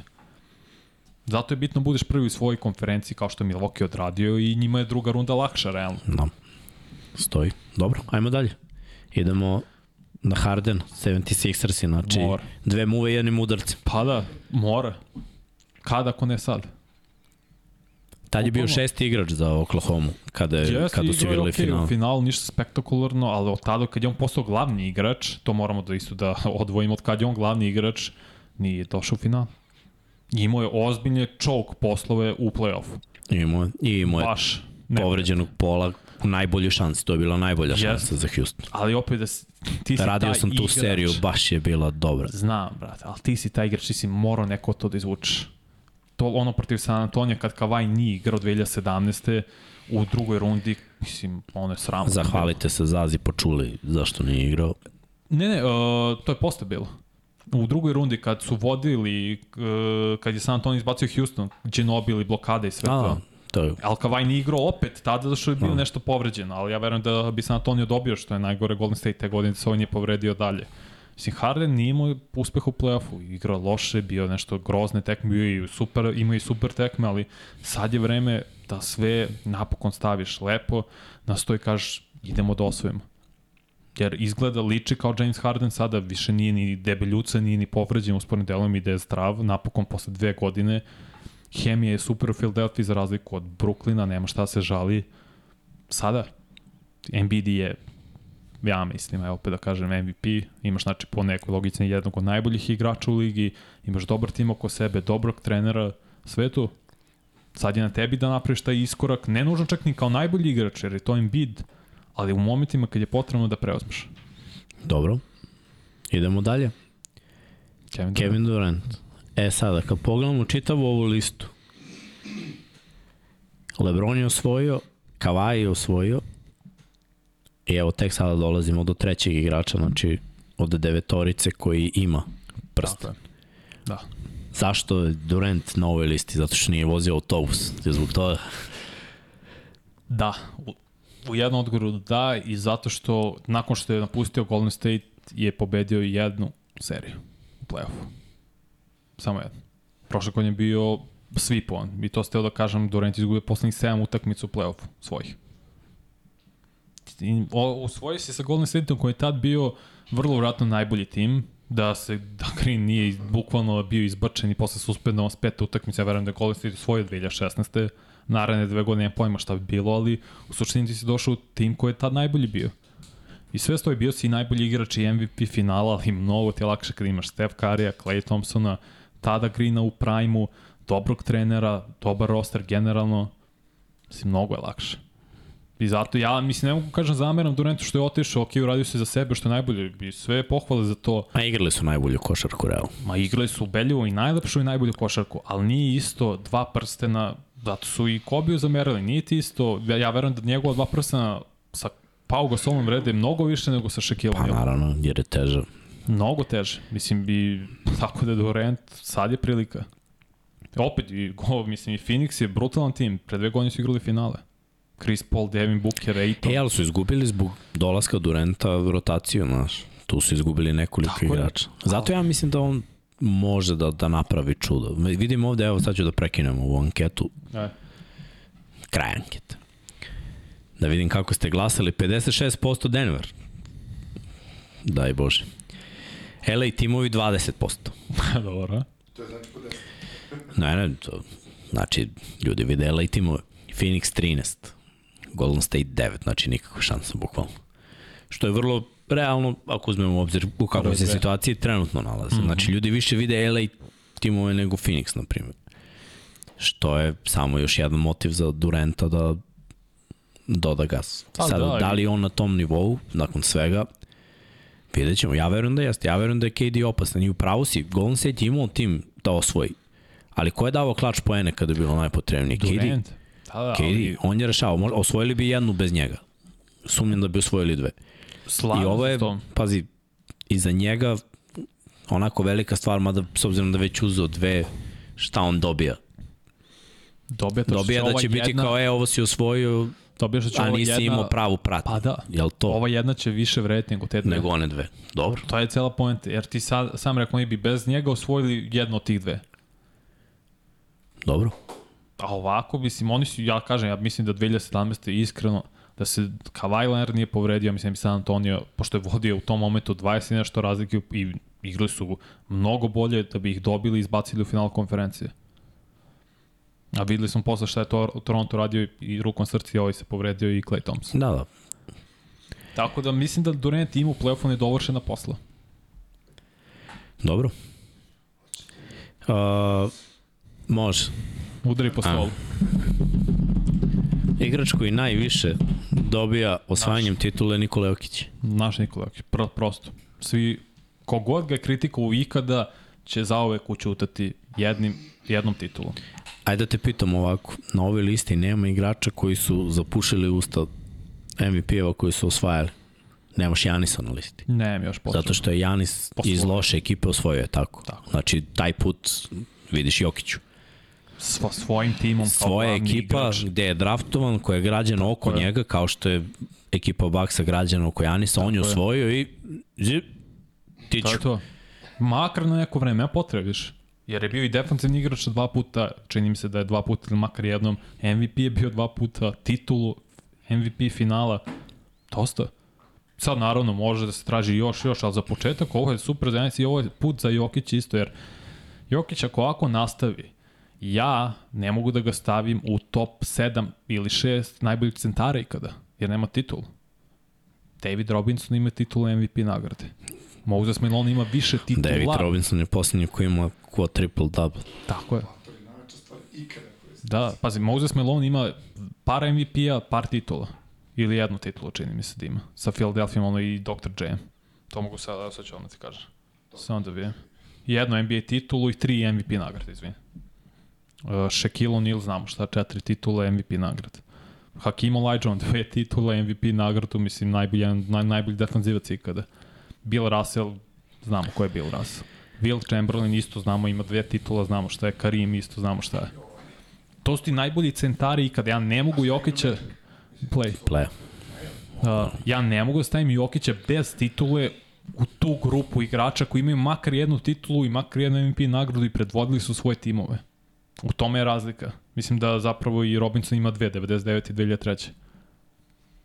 Ako Jokić osvoji, onda naravno, lagano ubacujem tu do top 5. Jer opet, opet Orici su brutalni, imaju po, tri, po dve titule minimalno, računajući Hakima. A sa titulom on sve ovako čutko i najviše dobija time. Jer onda više nema ko da ga kritikuje i može da uđe u konverzaciju kao jedan od najboljih centara. Bez titula ne može. I možemo još jednom da vidimo listu. Koga smo izostavili sa ove liste? A trebalo bi da bude spomenut. Reci nadam. Ima li ih? Ajde da krenemo po timovima koje smo prošli. Pa ajmo od zapada. Ajde da kažemo, ajde ovako, prva ekipa Denver i tu je definitivno samo Jokić. Drugo plasirana ekipa na zapadu Mladi Memphis, mladi su, ima vremena za njih. Treće plasirana Sacramento, iznenađenje, pa da kažemo da ništa ne očekujemo. Phoenix je ovde stavio dve ekipe, Clipper, uh, dve, dva igrača, Clippersa mm -hmm. si stavio Dvojke. dvojicu igrača takođe. Šesti je Golden State, Oni su svoju titulu oni su dinastija i to je to, je tako. Pa da, I to je to. oni su to što smo osvojili dve, osvojili smo jednu bez Durenta i još jednu. Dve s Durantom i još jednu bez sa ovom novom ekipom Tako je. nakon rebuilda. Nema Znači od, od njima nema evo, dosta. nema šta da se priča. Nema. Uzmemo ekipu broj 7 i ekipu broj 8, da ćemo trošimo reči tu. Pa to su Lakers, to je LeBron. Mislim. Ovo- Zašto nema Antonija Davisa ovde? Da što Anthony Davis ne smatram vrhunskim igračem, jednom od najboljih ikada. Meni on nije u top 5 najboljih krilnih centara. To su Tim Duncan, to je Garnett, to je Novicki, to je Karl Malone, to je Charles Barkley. Barkley isto nema titula, meni bolji igrač nego Anthony Davis. Dobro. MVP predvodio svoj tim do finala, do fini. Mislim, zato ja Anthony Davisa ne smatram kao vrhunskim krilnim centarom. All, all, all time. Dobro, a na istoku? Prva ekipa Milwaukee, ajde da kažemo, oni su odradili, ti tako, Tako. ćutimo. ja ne sad ako osvojili su. Za Boston, Tatum. samo Tatum, znači on jedini tu superstar, ovi ostali. Pa Brown mi nije bolji. Brown mi je nešto nalik što je cela karijera i Jimmy Butler, nešto između super zvezde i zvezde. Je možda malo stepenik iznad all star igrača. Može da bude. Nije mi on najbolji igrač. Ja Postao. mislim da je pritisak i na Antoniju Davisu, zato što nije sta, zdrav uvek. Došao je tu u bablu, uzeli jednu titulu i on je čitave karijere bio, mislim, aj sad je to malo krenulo na dole, ali opet kada pogledaš talenat i sve, uspeo je sa Lebronom, znači ujedinjenje je moralo da bude sa Lebronom i da se napravi ekipa gde je Rajon Rondo i mislim kakva je to ekipa bila koja je uzela i, i da bude korona i da bude bubble. Sve je to moralo da se desi. Znači, Da nije bio Bubble, Lakers te godine ne bi osvojili. pa Ja sam stoji. ubeđen to. Da Zato ja mislim da dobija dosta i Anthony Davis ako uzme, mislim i on, on bi mi ovde bio možda u top 10, a neko drugi ne bi. Jer mislim da ono, respekt za Kavaja, ali Kavaj se dokazao kao igrač. Mislim da iza njega treba da bude jedan tiću, sad razumem tvoju logiku, hoćeš da bude Da, tri ekipe i sve to, ali šta znam, šta imamo dalje? Imamo Filu, Filu to je samo Embiid i. Harden, dobro, pa imamo Pa ovi su mladi Cleveland i, Stoji, Knicks i ne očekujem. Mislim, nijedan igrač tu nije ono all time. vrhunski. Stoji. Miami ima Butler. Miami ima da, ima Nets Butler. Pa nema isto. nikoga u stvari, Neci su da, isto. Tako Atlanta isto. Da. A od ovih ekipa koji nisu ušli u play-off, Pa Lillard. Kavaj, Lillard, Šta Dončić, uh, Kyrie, Kairi, pa da, Kairi ima titulu. Ne, opet ja ga ne smatram top 10 igračima svoje pozicije ikada. Možda ja to tako više Luka. gledam. Luka mora, ako mislim, mora da osvoji titulu. Ja mislim da njega mo- statistika pre svega prenapumpana, ali ako osvoji titulu, to opet možda u kuću kao si ljudi. Dame Time, Paul George. Paul, da, Paul George je povređen. Paul George bi isto značilo. Ali nije najbolji igrač. Pa dobro, ali mislim, šta dobija? Dobija mnogo. Dobija kao Butler, recimo Hall of Fame, sigurno. Pečat, to je to. Ideš u Springfield, ili Springfield, jel da? Da. Dobro. Ne znam, sad razmišljam ko bi još mogao da bude, ko je propustio playoff. Um, nema, ne, ne vidim sad nekog. Dobro, ovi su onako, Pa, tako je. da kažem, od ovih boljih igrača. Dobro, eto, prošli smo i taj segment. Ljudi, uh, slobodno pucite pitanja. Uh, inače, evo da vam kažem da Lab 76 neće biti večeras, tako da eto mi možemo malo više da se družimo, da vam odgovaramo na pitanja. Ti se ne pitaš, srđane, idi, ostavi ovaj, ostavi ovaj kadar i vozi. da, ja se nadam da će da im da ode iz Portlanda pa da nas obraduje jednom, mm -hmm. jednom titlom. Volao bi za njega, stvarno, on mi je jedan od onih igrača koji se dosta naradio i, i zaslužio da, ako ništa drugo, bar bude konkurentan u play-offu. Dugo da. Portland nije bio konkurentan u Da, play-offu. i još Anthony Davis nisam bacio. On kad je bio najbolji igrač u svom timu, nije ništa postigao. Mislim da su pobedili jednom ili dve playoff serije i zato ga stavio sam ga svesno ono poziciji broj 2. Konstantno si ti igrač broj 2, nisi broj 1. I to je to, mislim, Garnett je makar odveo onu Minnesota mučenu do finala konferencije. Da. Makar to. Posle je osvojio i bio defanzivni igrač. Drugo je bilo vreme, znaš, igrali su igrači tada, nosili su ekipe, sad, sad je Jesu. to redkost. Zato sad je to sad više ide u ujedinjenje i kad ti ne ide tražiš, a redko ko gradi tu i, i pokušava nešto. Evo imamo par pitanja. Luka, pazi, prvo pitanje, ono, pap, komentar Jalen Hurts. Komentar, mislim, to je meni realna kinta za quarterback. Mislim, pričat ćemo o tome u 99 yardi, da ne dužim, ali između 200 i 250 miliona to mi je ugovor za quarterback. Toliko danas košta quarterback. Sad nekome može se sviđa, nekome da se ne sviđa, da misle da treba ili ne treba, ali to je cena koju platiš ako želiš da gradiš ekipu oko tog čoveka. Znači, O, Pet godina. pet godina ili je pa da kažemo da je između 40 i 50 miliona u zavisnosti od toga koliko je dobar igrač. S tim što ovi najbolji, to je sad već 50. Inflacija, poskupela, skupoća. Pa i da, i bit će sad jeftiniji nego da su ga platili naredne godine. Kad mu istekne ugovor. Vrlo prosto. Da li ste gledali nekad uživo NBA tim? Nažalost ne, Vuče. Ali Ne. Ra, radit ćemo na tom. Tim American ovih dijamantskoj ligi što je bilo u Beogradu. Ali nije to Nije isto. Ne. uživo NBA, Da, nije, nije. nažalost. Ali možda bi mogli otići da skokne. Ma ni do Pariza da skokneš nije to to. Treba otići tamo i tamo odgledati tako. Ići. I Ići ćemo. Kola, Coca-Cola, Sprite, brate. Grand Hill PS Sprite. Dobro. Jesi vidjela reklamu Lebrona za Sprite? Nisam. Ja sa Lilijatijem prespašaj. Kao, ja vam neću reći da vi pijete Sprite. Kao, Lebron, ali moraš da pročitaš ovo. Kao, ne, ne, ne, ja vam neću reći da pijete Sprite. Iako držim sad Sprite u ruci. Ali ja neću reći da vi to pijete. Mnogo jaka. Posle ću, pokazat ću ti posle. Šta mislite, jel Dame bez prstena može da bude Hall of Famer? Da im jeste Hall of Fame igrač. Mislim, Opasan je Dame. što i on je, zar nije top 75 igrač ikada? Dobro, to su oni napravili, da. Ne, mislim da recimo jedan Dwight Howard nije. Što ja imam užasan problem s tim, a Anthony Davis jeste. Clay nije. Well, Clay, okej. Okay, Clay je on najbolji šutera. Pa jeste, ali mi nije ovako, ne bi ga stavio. Meni nije. Ja kažem da imam problem što je Vince Carter isto nije. Vince Carter, brate, ni. Vince Carter je institucija, Carter i meni, brate. Dwight Hubbard, a Anthony Davis, jesu, ja imam veliki problem s tim. Pre svega, mislim, hm? Tracy McGrady jeste, mislim. U top 75. Aha, dobro. Ma da ne, jeste. to je individualno. Slučajno sam uhvatio ono kad je vezao 13 pojena protiv San Antonija. Da, u 35 sekundi. Koji će biti glavni razlog ako Jokić ne dobije MVP titulu po vam?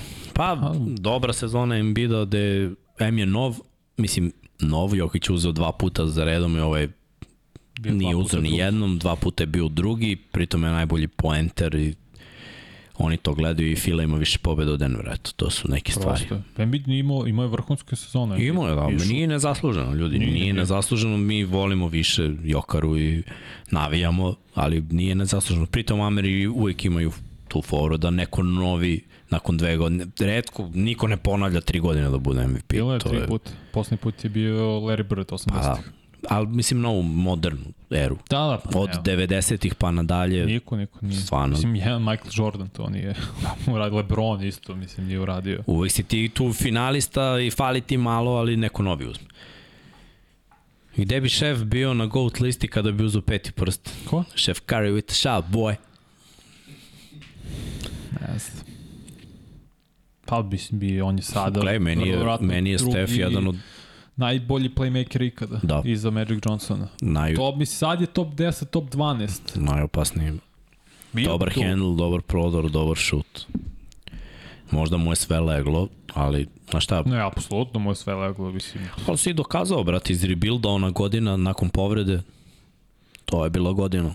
Jeste? To je bila godina gde on, gde on meni dokazuje, onda prošle godine je iznao. Ne, ono prošle godine je senzicionalno.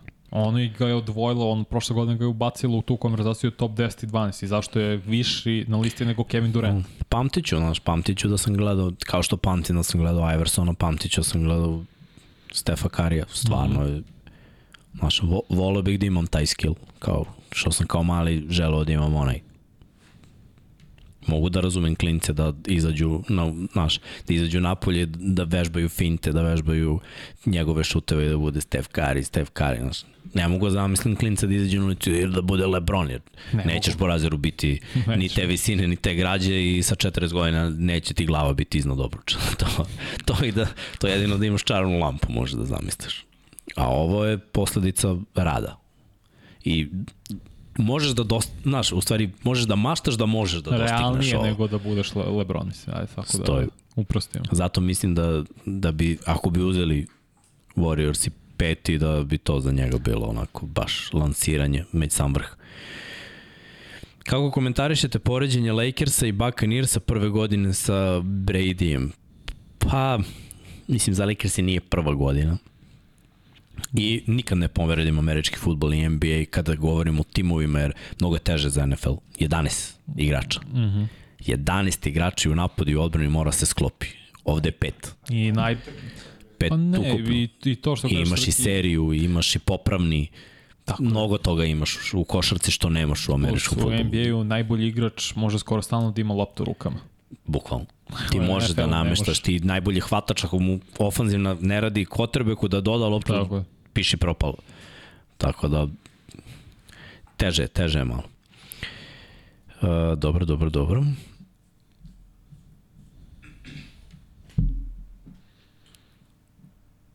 Du, du, du, du, du, du, du. Da li je bolje za Atlantu da skrate minute Kapeli zbog niske petorke Bostona? Da, Kapela ne treba mnogo da igra, pritom ne samo što ima Boston nižu petorku, već što Kapela apsolutno ništa ne radi. On je efikasan samo kad treba da ukuca loptu i dolazi do ofenzivnog skoka, ali Atlanti trebaju poeni, a ne on daje nove šanse, ali bekovi ne mogu da naprave poene iz te nove šanse, jer bekovska linija Boston igra dobro odbranu.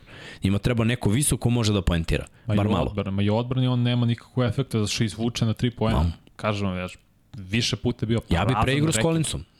Ti? Pa on igra i sa obojicom. Znam, ali pre bi izbacio kapelu, Collinsa Pa da. i još Da, da. nekog ko je sposoban da igra neku odbranu. Problem je što oni nemaju to u rotaciji. Jer i ovaj Okorongo je isto centar, kako se preziva, vratno su maše prezime, ali on je isto centar. No.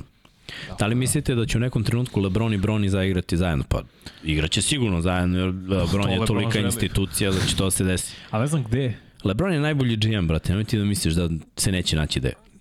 Pa, Dovoljan je jedan telefonski poziv i evo ih Misliš da će obojica u doći istom u timu. LA-u? Može da igra da... Lebron može da igra s njim gde god Ne, želi. ne, ja znam, ali pitanje da li hoće napusti LA. To je pitanje. Ne mora da znači. Možda je, može, a i ne mora biti.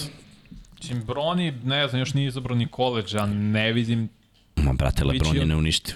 A ne Lebron, pričamo o... Ne, ne znam, nego kažem Lebron je toliko neuništiv da ovaj može da izabere koleđ, da završi koleđ i da kaže tata mogli bi da igramo u ovoj ekipi. Sad ću da zažmurim i ti zavrti, ti zavrti. Ne, razumem.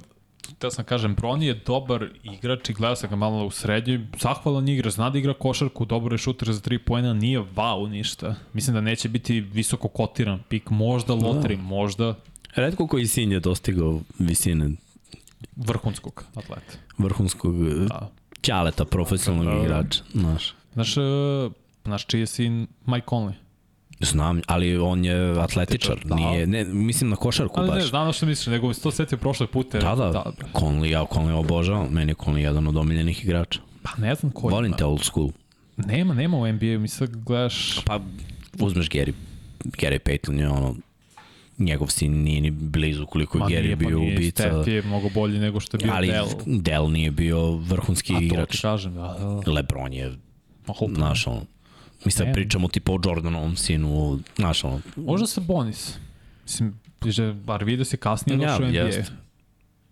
To je Istina, baš da. kasnije, on je tad imao probleme s kolenima i sve kako se sećam, iz koliko se Ma da, sve pa- čitao i gledao, ali pre je bio pff, najbolji centar u, na svetu, dok se to nije desilo. E, da vidimo. Vanja, zašto misliš da je Rivers dobar trener, sem što je uzeo titulu sa prejakom ekipom?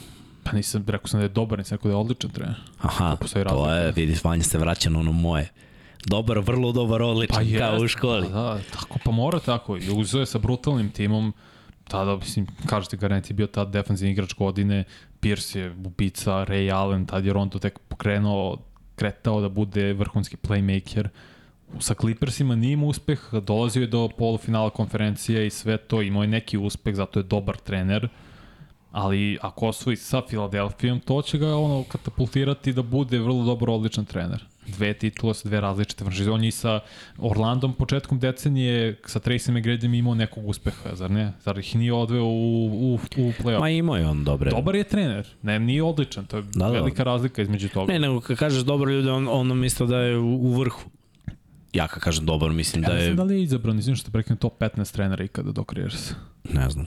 Mislim da jeste kad su bi- birali ovo top 75, mislim da je izabran top 15 trenera ikada. Tako da. Dobar, meni, po meni dobar, nije vrhunski trener, nije odličan, ne znam. Tako da ja gledam na te stvari. E, neko, na, evo imamo ovde, imate li najdržu petorku sa 2K ili NBA Live?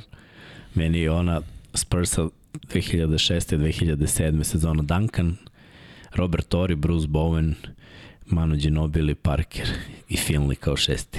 U, kako je doktor bio, Mike. Well, ne, ja sam San Antonio obožavao da gledam i uvek sam navio za, za San Antonio tu kad je prošla ona era Sakramenta, pošto to je, jel te bilo oni su me kupili posle toga, ono, individualno igrači, ali košarka timska, San Antonio, sve do one posljednje serije sa Majamijem i 2014. Ali dobro, bilo mi je drago. Opet Ray Allen, jedan od igrača koje obožavam, jedan od najboljih bekova šutera u filmu 1 na 1, kako kaže Zoran Cijanović. Jesus. A, a, a, mislim, kako je opasan Ray, dobro, Jesus Stolvart.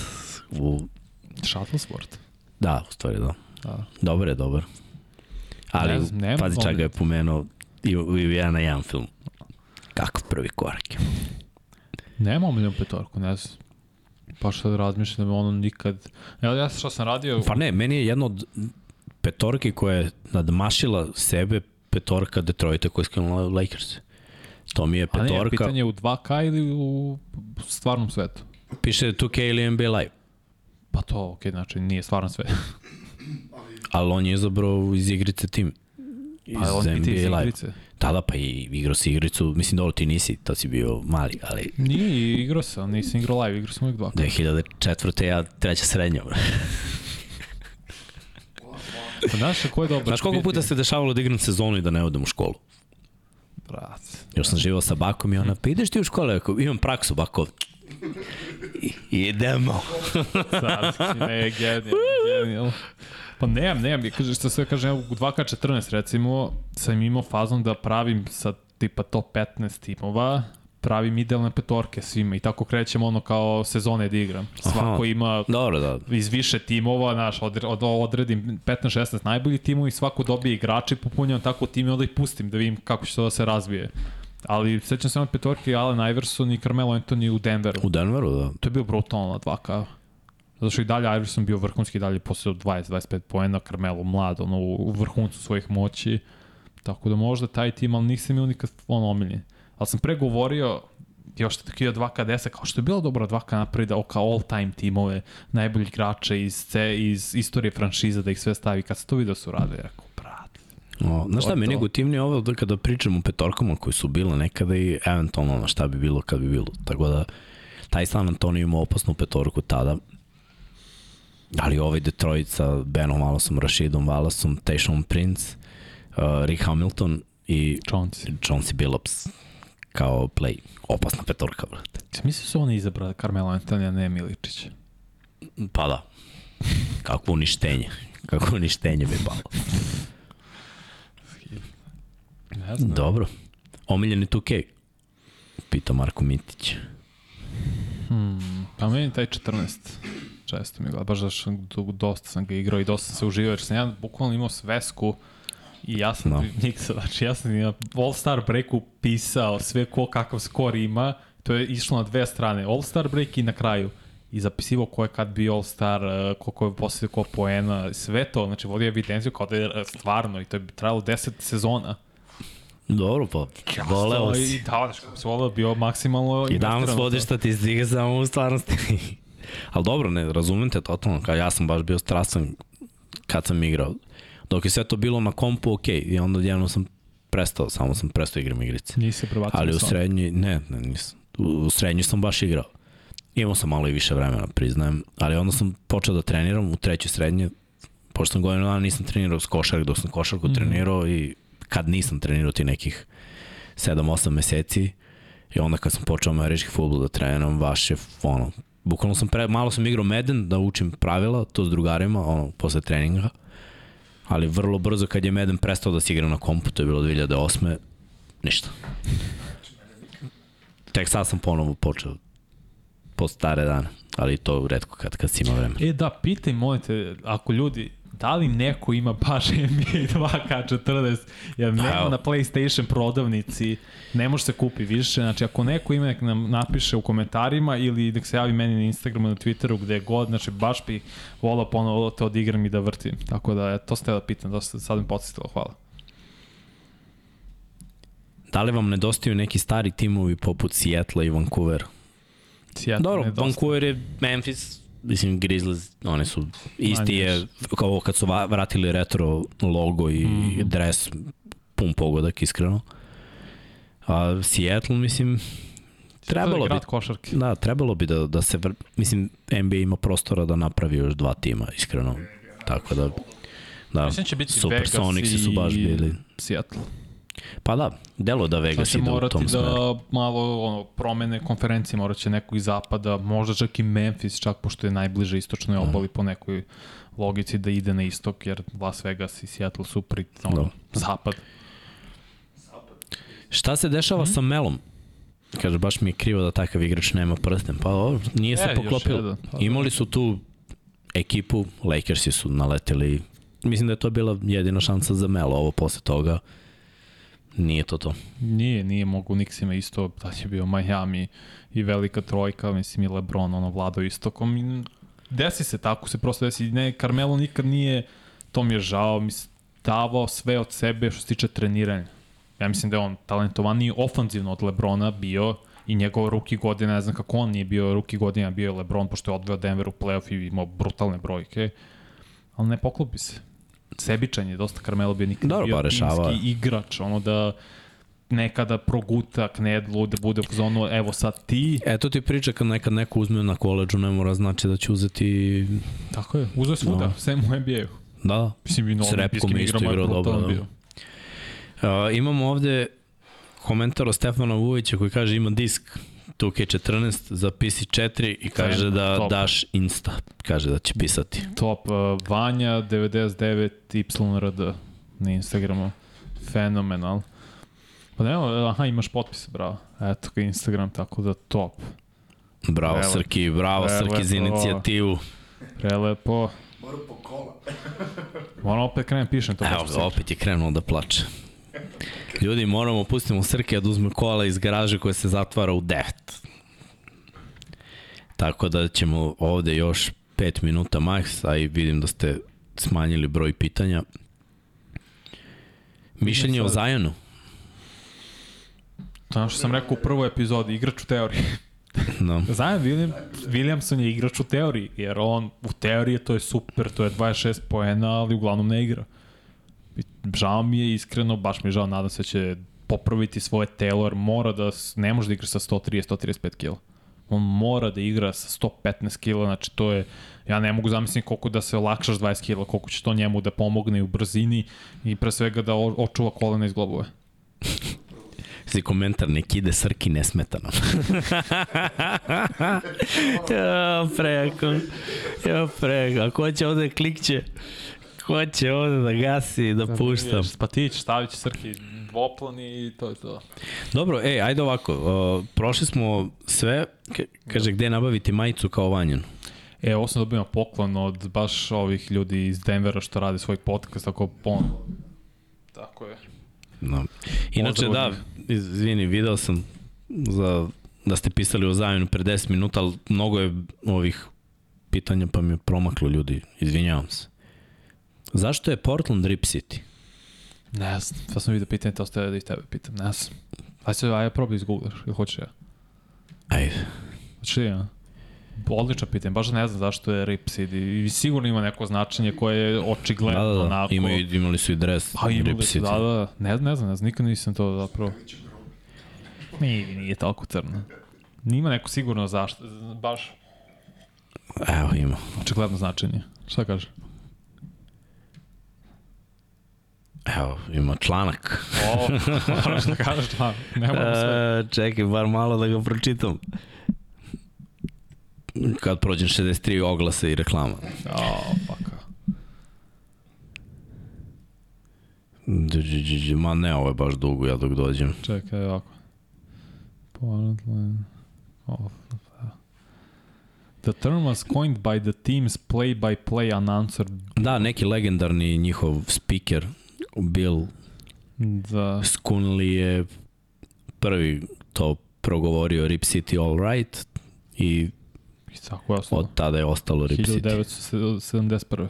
Protiv Da, da, Lakers protiv 18. Lakers. februara. Eto, nema ne znaš prvo je ono. Nadimak dao čovek i to je to. Ostalo. Dobro, tako obično je bio. Neko kaže i to ostane. E, dobro, ovaj, ajde da kažemo da je otprilike to to.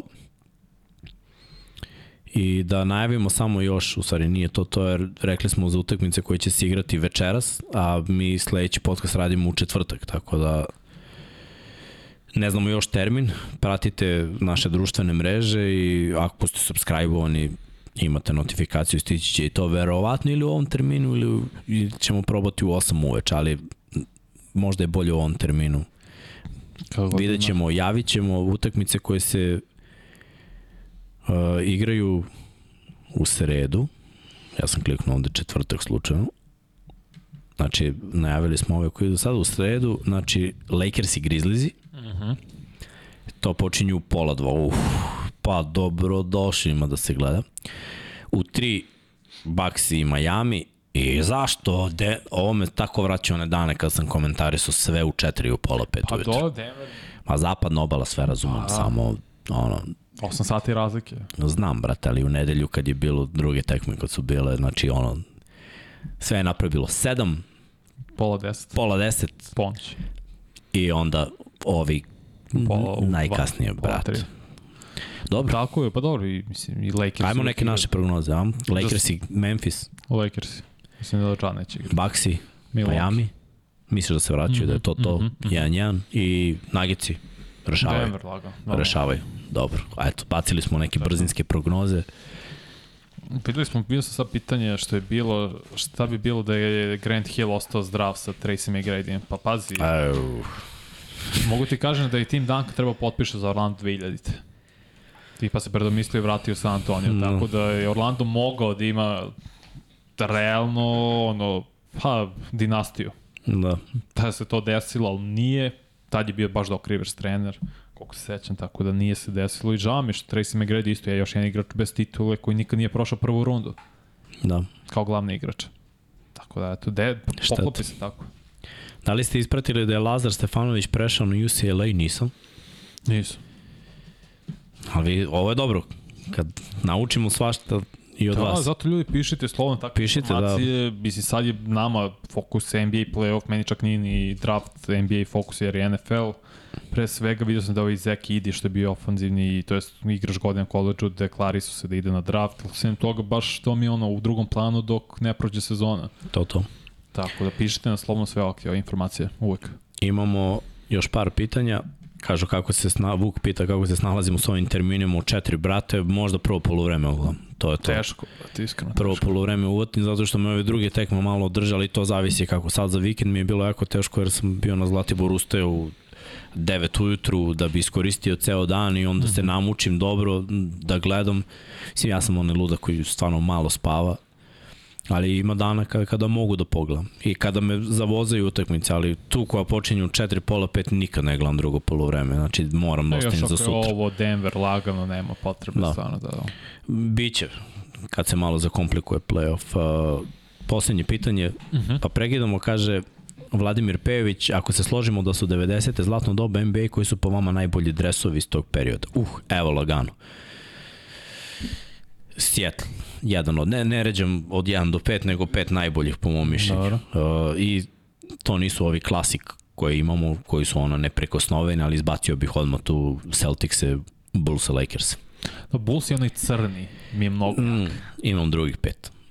Seattle mi je brutalan dres, uh, brutalan dres mi je Vancouver, ovi što su vratili, mm -hmm. Grizzly što, što sad ima Memphis je, je rešaren dosta i, i to mi je dobro. Uh, Minnesota Timberwolves i onaj plavi sa Vukom, na šuma, to mi je bio jako dobar dres, Garnetov da. Orlando je imao dobre dresove, Da. sad oni kao... Da, u, Da, to, da, Toronto. Toronto. Toronto ljubičasti sa, sa dinosaurusom, ne ovaj, tu nam je negde Evo ga, Toronto, ali da. On, onaj prehodni, to je broj 4 i, i, i Uh, pa nemam pojem, moram ono da razmislim. Denver i moj si rekao Denver. Den, nisam, Denver mi je imao ono šareniš neki. Dobar dres. Phoenix mi je imao dobar dres isto. Pa jest. Da, bi, bi imali su da, pa di, ta, te kombinacije boja, to mi je, to mi je bilo cool kod njih.